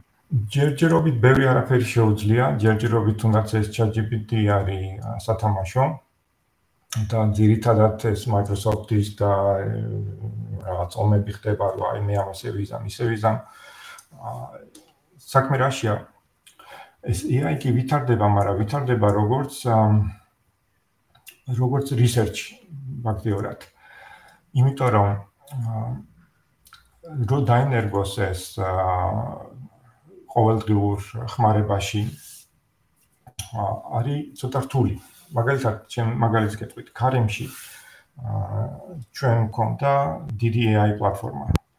ვაკეთებდით ძალიან ბევრ ამოცანას. აი ერთ-ერთი ამოცანა არის ETA calculation, ხო, რაც Google-საც აქვს, Google Map API-შიც, მაგრამ როგორც გამოდგა, Google API არ არის ისე აკურატული, იმიტომ რომ არ უყურებს ბევრ ლოკალურ დეტალებს, ეს ერთი. და მეორეც არის ძალიან ძვირი. ხო, ამდენად ჩვენ გავაკეთეთ ჩვენი. მაგრამ როგორ გავაკეთეთ? შეიძლება ეს გააკეთო ბევრი პრობლემა, AI პრობლემა გააკეთო როგორც deep learning-ი და შეიძლება გააკეთო აი სტანდარტული machine learning-ის მათემატიკური მოდელებით. განსხვავება შედეგში დიდი არ არის, არის 5-10% რო deep learning-ი jobs. მაგრამ ფასით არის ადჯერ უფრო ძვირი. ამდენად იგივე ვთქვათ ის ETA ან fraud detection-ში ქონდა კიდე AI. Fraud detection-ში ვიყენებდით ძალიან მარტივ naive bayesian machine models, machine learning models. ხო და ამის კალკულაცია ძალიან სწრაფად ხდება და ფასიც არის ძალიან დაბალი. ახლა იგივე რო გავაკეთებია deep learning-ზე იქნებოდა ბევრად არის 10-ჯერ უფრო ძვირი და შედეგი იქნებოდა ფაქტიურად იგივე. ხო და ამდენად ბევრი ეს ფირმა ვინც ამბობს რომ AI აი ფაქტურად იყენებენ machine learning-ს, იმიტომ რომ ეს არის უფრო cost effective. და ჯერჯერობით სამწუხაროდ რადგან არის ფონეიმანის არქიტექტურა, არ არის ეს ოპტიმალური იმისთვის, რომ აკეთო დიდი ზომის მატრიცებზე ოპერაციები. და სანამ ეს არქიტექტურულად არ შეიცვლება და არ იქნება quantum computing-ი და რაღაც სპეციალური კომპიუტერები, რაც ფათაშორის მიდის ამ მიმართულებითაც მუშაობა და დაჟე არის ბიო კომპიუტერები, რო ადამიანის ტვინის ძალებს იღებენ და ნახევრად ხელოვნურია და ნახევრად ბიოლოგიური. მაგრამ ადრე თუ გვიან ეს ყველაფერი შეიცვლება, ადრე თუ გვიან იქნება ესეთი არქიტექტურა, რაც უფრო scalable იქნება და უფრო ნაკლებად ძვირადღირებული. ხო, ამდენად დღესდღეობით ეს არის უფრო მაინც research-ი და ეს OpenAI-ს რაც გააკეთა, გააკეთა ამ research-ის პოპულარიზაცია ფართო მასებზე და ვინც იმაში იყო, რა ქვია, კრიპტოში წავიდა ახლა AI-ში. აა რაც გაია თავისხილო. მაგრამ ჯერჯერობით არ არის ეს cost იგივე Microsoft-ი ხარჯავს მილიონებს ამ ChatGPT-ზე, ხო, დღეში უждდება, რა მგონი 3-4 მილიონი რა ძალიან დიდი ფულია. იმ საქმისთვის რაც დაიწყებს. და შემდეგიც ჯერ ისე კარგი არ არის, იმიტომ რომ ვთქვათ, აქ არის ლეგალური პრობლემა. ვთქვათ, რო ვკითხო ამ ChatGPT-ს რაღაცა და მირჩიოს ლეგალურად არასწორი, ვინც ვის უნდა უჩივლო. ხო? აა ამიტომ ჯერ ეს საკითხები არ არის ბოლომდე დახვეწილი, მაგრამ ადრე თუ ვიან დაიხვეწება. ანუ ამ ეტაპზე კაია რომ ჩაერთოს ადამიანი და ისწავლოს და აყვეს ამ თამას და ადრე თუ ვიან ეს ყველაფერი ლეგალური და ფასის საქმეც მოგვარდება და რეალური შედეგიც იქნება. დღესდღეობით რაც შეეხება გამოყენებას აა თავრობაში ან სადმე თუ რამე შეიძლება გამოყენება ანუ რაღაც ტექსტების სამარის გაკეთება, ან კლასიფიკაცია, ან რაღაცის მოძიება, როგორც თული ამის გამოყენება, რა თქმა უნდა, შეიძლება და დღეს ბევრი იყენებს, ვინც მაგალითად არ არის native english speaker-ი, ხო? ბევრი მეუბნება, რომ აი, რომ წერდი იმეილებს და ვაგზავნიდი და ისა, ახლა აი ChatGPT-ს ვეუბნები და ის უკეთეს იმეილს დამიგენერირებს. რაც ძალიან კარგია და მისასალმებელი ხო, ბევრი უფრო მეტი და მეტი იქნება. იგივე არის წინათ ვახსენე არის Copilot ეგეთი პროექტი არის GitHub-ში, ანუ იგივე ChatGPT-ის მაგვარი მოდელი არის. რაც ტრეინინგი გაუკეთეს Codebase-ზე open source-ი და მე მგონი არა open source-ით და შესაბამისად თუ ეკრ მომენტი sorting algorithm-ი რაღაცას გაიკეთებს, იქ code reviews გაიკეთებს და ეს ტულებიც გაუმჯობესდება და განვითარდება კიდე.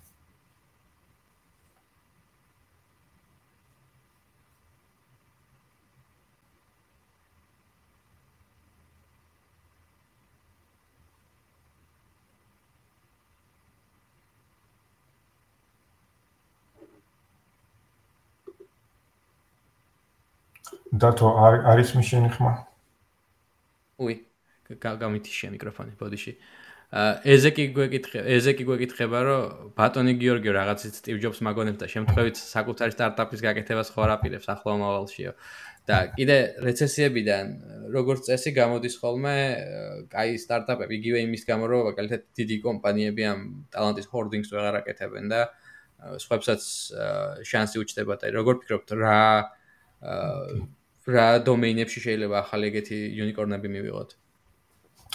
კი, რესესია კარგია როგორც ეს სტარტაპებისთვის, ერთი პრობლემაა ის, რომ ფანდრაიზინგი უფრო რთულია, მაგრამ ვინც მოასწრო ფანდრაიზინგის აღება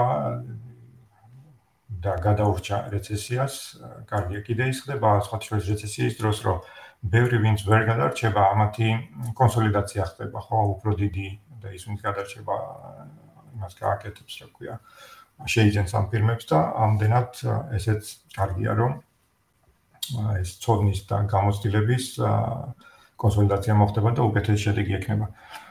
რაც შეეხება Steve Jobs, Steve Jobs ამდენ ბევრი მიკლია. აა თუმცა Steve Jobs-ი მინახავს პალვალტაში სხვათა შორის.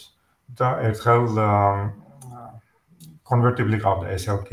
და მეც კონვერტიბლი მყავდა და ერთხელ ისე მოგვიწია რომ გავყევი და უკან მივდევდი გაიხანით და საპეში ეყურებოდა ვინ არის ოჯახის ხوار მიგეთებს უბრალოდ ერთი მიმართულებით მივდიოდით პარალელში აა ხო და მგონი SL იყავდა მაგას ყოველთვის. ხო ეს SL 500 ხო ყოველთვის ეკავდა ნაცრისფერი და ნომერი არ ქონდა ბარკოდი ქონდა კი სულ მაგითი დადიოდა სხვათა შორის სამკურნალოდ რა იყო წასული SL-ი მყავდა მე მყავდა SLK და იმას ყავდა SL ეგ ცნობილი ის არის მანქანა. ხო ხო და რაც შეეხება სტარტაპებს მე დავიწყე როგორც ინტერპრენორი თავიდან თბილისში და ამერიკაში მაგისტრის ჩამოვედი და არასდროს არ მეგონა თუ რამე სხვა ფირმაზე ვიმუშავებდი ყოველთვის მეთოდა ჩემი გამოკეთებია რაღაც მაგრამ მე სხვა KPI-ები მქონდა მე ცხოვრება რთულია და ესე მოხდა რომ შემოვჭი და სხვადასხვა ფირმაში მომიწია მუშაობა, თუმცა გამოცდილების ხრით ძალიან ბევრი რამე ვისწავლე და დავაგროვე. ეს ერთი რამე და სხვა შორის ამ გამოცდილებასთან ვახსენო, რომ ერთი ეს არის კიდე ნაკლი საქართველოსში, რომ გამოცდილება არ აქვს large scale-ზე. აი თქვენ წინა TikTok-ში გქონდათ Google-ის in ეს რა ქვია, talking scale-ზე და distributed system-ებზე, ხო? აი ეცადეთ რომ მოხდეთ ისეთ გარემოში, სადაც scale-ი დიდია, იმიტომ რომ ეს scale-ი ცვლის ყველაფერს. ერთია რომ რაღაც მე სათამაშოს ვეძახი, ხო, რაღაც პატარა პროგრამა დაწერო და შენ ლეპტოპზე გავუშვა და მეორეა ის რომ ხავდეს მილიონობით და ბილიონობით მოხმარებელი. მაგალითად Microsoft-ში ჩემი სერვისი იყო authorization service-ი. აა 2 ბილიონი daily active users და ეს 2 ბილიონი აგენერირებს trillion-ობით of transactions. და challenge არის კიდე ის რომ SLA არის 200 body-ში 2 მილიტანი. 2 მილიტანი production-ში და 4 მილიტანი preview-ში. იმიტომ რომ authorization კიდე tell stack-ზე ხო ვთქვათ API-ს calls აკეთებ, მაგრამ რაც არ უნდა საქმეს აკეთებ და authorization ერთ-ერთი layer-ია და მე კიდე ბევრი რაღაცაა და ამან თუ ბევრი დრო წაიყო, მე სხვა რაღაცისთვის აღარ ჩება, ხო, ამ TSL-ი 2%-ია. ხო და ფაქტიურად ძალიან მარტივი სერვისია, ხო, არის, რა ქვია, R-Bank და A-Bank, attribute based access control-ი, რაც არის many to many relationship-ი, ხო, ანუ ვის რასთან აქვს access-ი და ნებისმიერ რამე რაც ხდება Azure-ზე, აა გადის ამ layer-ით. მაგრამ ეს ერთი API ხო, უნდა იყოს ამდენად scalable, უნდა იყოს 2 მილიწამი და უნდა იყოს because იმიტომ რომ თუ down არის სისტემა, არავის არსად შესვლა აღარ შეუძლია. ნახევარი მსოფლიო დაგეთილია უკვე. ხო და იგივე ჩვენი კლიენტები იყვნენ, ხო რა ვიცი, American Airlines და ვინ არა, ხო და ესეთი სერვისები თუ down არის, მაშინ საშინელება მოხდება. ხო და ეს სირთულე არის იმაში, რომ როგორ ააგო ასეთი სისტემები. და ამ ესეთ რამეს მარტივად ვერ ისწავლე. ანუ ციგნებში ბევრად არ არის გაშვებული. აა იგივე პროცესები რა არის ამასთან, იგივე incident management-ი და root cause analysis და ასეთი რაღაცები ძალიან მნიშვნელოვანია. იგივე იყო კარემშიც აა სხვა შორის ჩვენი ერთ-ერთი აა გრაბი არის ერთი ფირმა Middle East-ში, აზიაში, ვინც რაიტეილინგს აკეთებს და ერთხელ ჰქონდა 2 საათიანი downtime. და მისი CEO გამოიძახეს სინგაპურის პრემიერ-მინისტრმა და უთხრა, რომ ესეთ რამე არ შეიძლებაო, კიდე თუ მოხდაო, აგეკრძალო თუ ლიცენზიას დაგასმართო, იმიტომ რომ მოხდა ესე ხალხი როა შეჩვეული, რომ გამოდის სამსახურიდან და უყურთავს ამ ტაქსის და მიდის, ფაქტურად ტრანსპორტირების ინფრასტრუქტურაზე გავლენა ჰქონდა, რომ 2 საათი ბლოკირებული იყო, იმიტომ რომ ამდენი პაბლიკ ტრანსპორტი აღარ იყო უკვე, რომ ამდენი ხალხი წაიყვანა, ხო? და მოხდა საშინელება.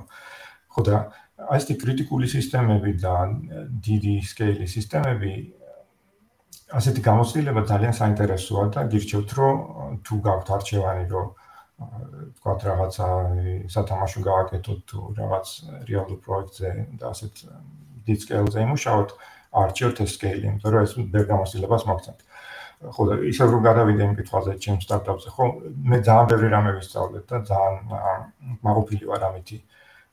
მაგრამ ბიზნესი ცოტა სხვა რამეა, რისკიც მაღალია და როცა შეჩვეული ხარ უკვე მაღალ ანაზღაურებას და აწყობილია ცხოვრება, რთულია გარისკვა ყველაფრის და თავიდან რაღაცი დაწყება, მაგრამ რაღაც იდეები არის და ვცდილობ პარალელურად რაღაც ავაწყო. და ეხლა კარგი დროა, იმ ხრივ რომ ის ვინც გადარჩება ამ რეცესიაზე, მე რა უკეთეს პირობებში იქნება. რა ნიშებს ხედავთ, სადაც კარგი საშუალო ოპორტუნიტებია, საშუალებებია? ახლა ყველაფერი არის AI, AI არის new electricity. აა AI-ის garaშე ფაქტურად არაფერი არ აკეთდება. ამიტომ AI მიმართულებით არის იდეები და რაღაც შესაძლებლობებიც. მაგრამ რამდენად განვითარდება ეს დამოკიდებულია იმაზე, რომ overall market-ი რა სიზამს საერთოდ და რა მოხდება. აა კიდე არის კითხვები, მაგრამ მე მგონი ჯობია რომ დავასრულოთ. ახლა რამდენიმე მე შეგვიძლია რომ სხვა დროს მაგალითად კვანტურ კომპიუტერზეც, კომპიუტინგზეც ალბათ მომავალში ვიზამთ და აა ხო, და და პროდუქტ მენეჯმენტზეც ვაპირებთ მომავალში საუბარს. აა, კარგი, დიდი მადლობა. რამე სანდრო, რამე ხო არ დაგჭა? დაგჭა. თქვენ ხო არ გიდოდათ რამეზე საუბარი კიდე და გამოგრჩა? მე არ ვიცი ახლა ვინ უსმენს ამას, უბრალოდ ერთ რამეს ვიტყვი, რომ აა დავიწყე ჩვენ საქართველოს ხო და მეც ქართველი ვარ და მინდა რომ საქართველოსში კარგად იყოს საქმე და მეგონი ტექნოლოგიები არის ერთ-ერთი საშუალება რომ საქართველოსში გაიზარდოს განათლების დონე და ანაზღაურების დონე და საერთოდ ყველაფერი და ამდენად ურჩევდი ყველას ვინც აქ არის ალბათ უკვე ტექნოლოგიებშია და ვინც თქვენი ნათესავებით და მეგობრებიც ურჩიეთ რომ ჩაერთონ ტექნოლოგიებში არც ის რთულია როგორც შორიდან ჩანს, არაფერი ის ყურებიდან ის ტვინის გამოსვლა არ არის საჭირო ამისთვის. დღესდღეობით ძალიან მარტივად ხდება, ერთ წელიწადში, ორ წელიწადში შეიძლება ესეთ სპეციალისტი გახდეს კაცი, რომ იმფენი ანაზღაურება კონდეს, რაც ნეიროქირურგს არა აქვს და სხვა დარგში. კი. ხო, და ამდენად ამაზე თავის დახუჭვა და სხვა რაღაცით თავის მოტყუება და გართობა ალბათ არ ღირს. და თუ ვინმე სამე აინტერესებს, ია ისთან დაკავშირებით, უნდა მიგავშილდეს და კი, თქვენს LinkedIn-ს დავაშერებ ახლა. და თუ გინდათ შეგიძლიათ გაყვეთ ხო, LinkedIn-ი მე update-ად არ მაქვს, როგორც წესი, როცა სამსახურს ეძებენ, მაშინ უკეთებენ ხოლმე updates, მაგრამ დამიკავშირდით და. კი, ეს არის ბატონ გოგოს LinkedIn-ი. აა დიდი მადლობა ყველას ვინც გვისმენთ. დიდი მადლობა ბატონო გოგა, რომ ამდენი ხანი დაგვითმეთ. აა ძალიან საინტერესო საუბარი იყო. და ჩვენ მომავალში კიდევ ვიზამთ რამეს. დიდი მადლობა. დიდი მადლობა, კარგად.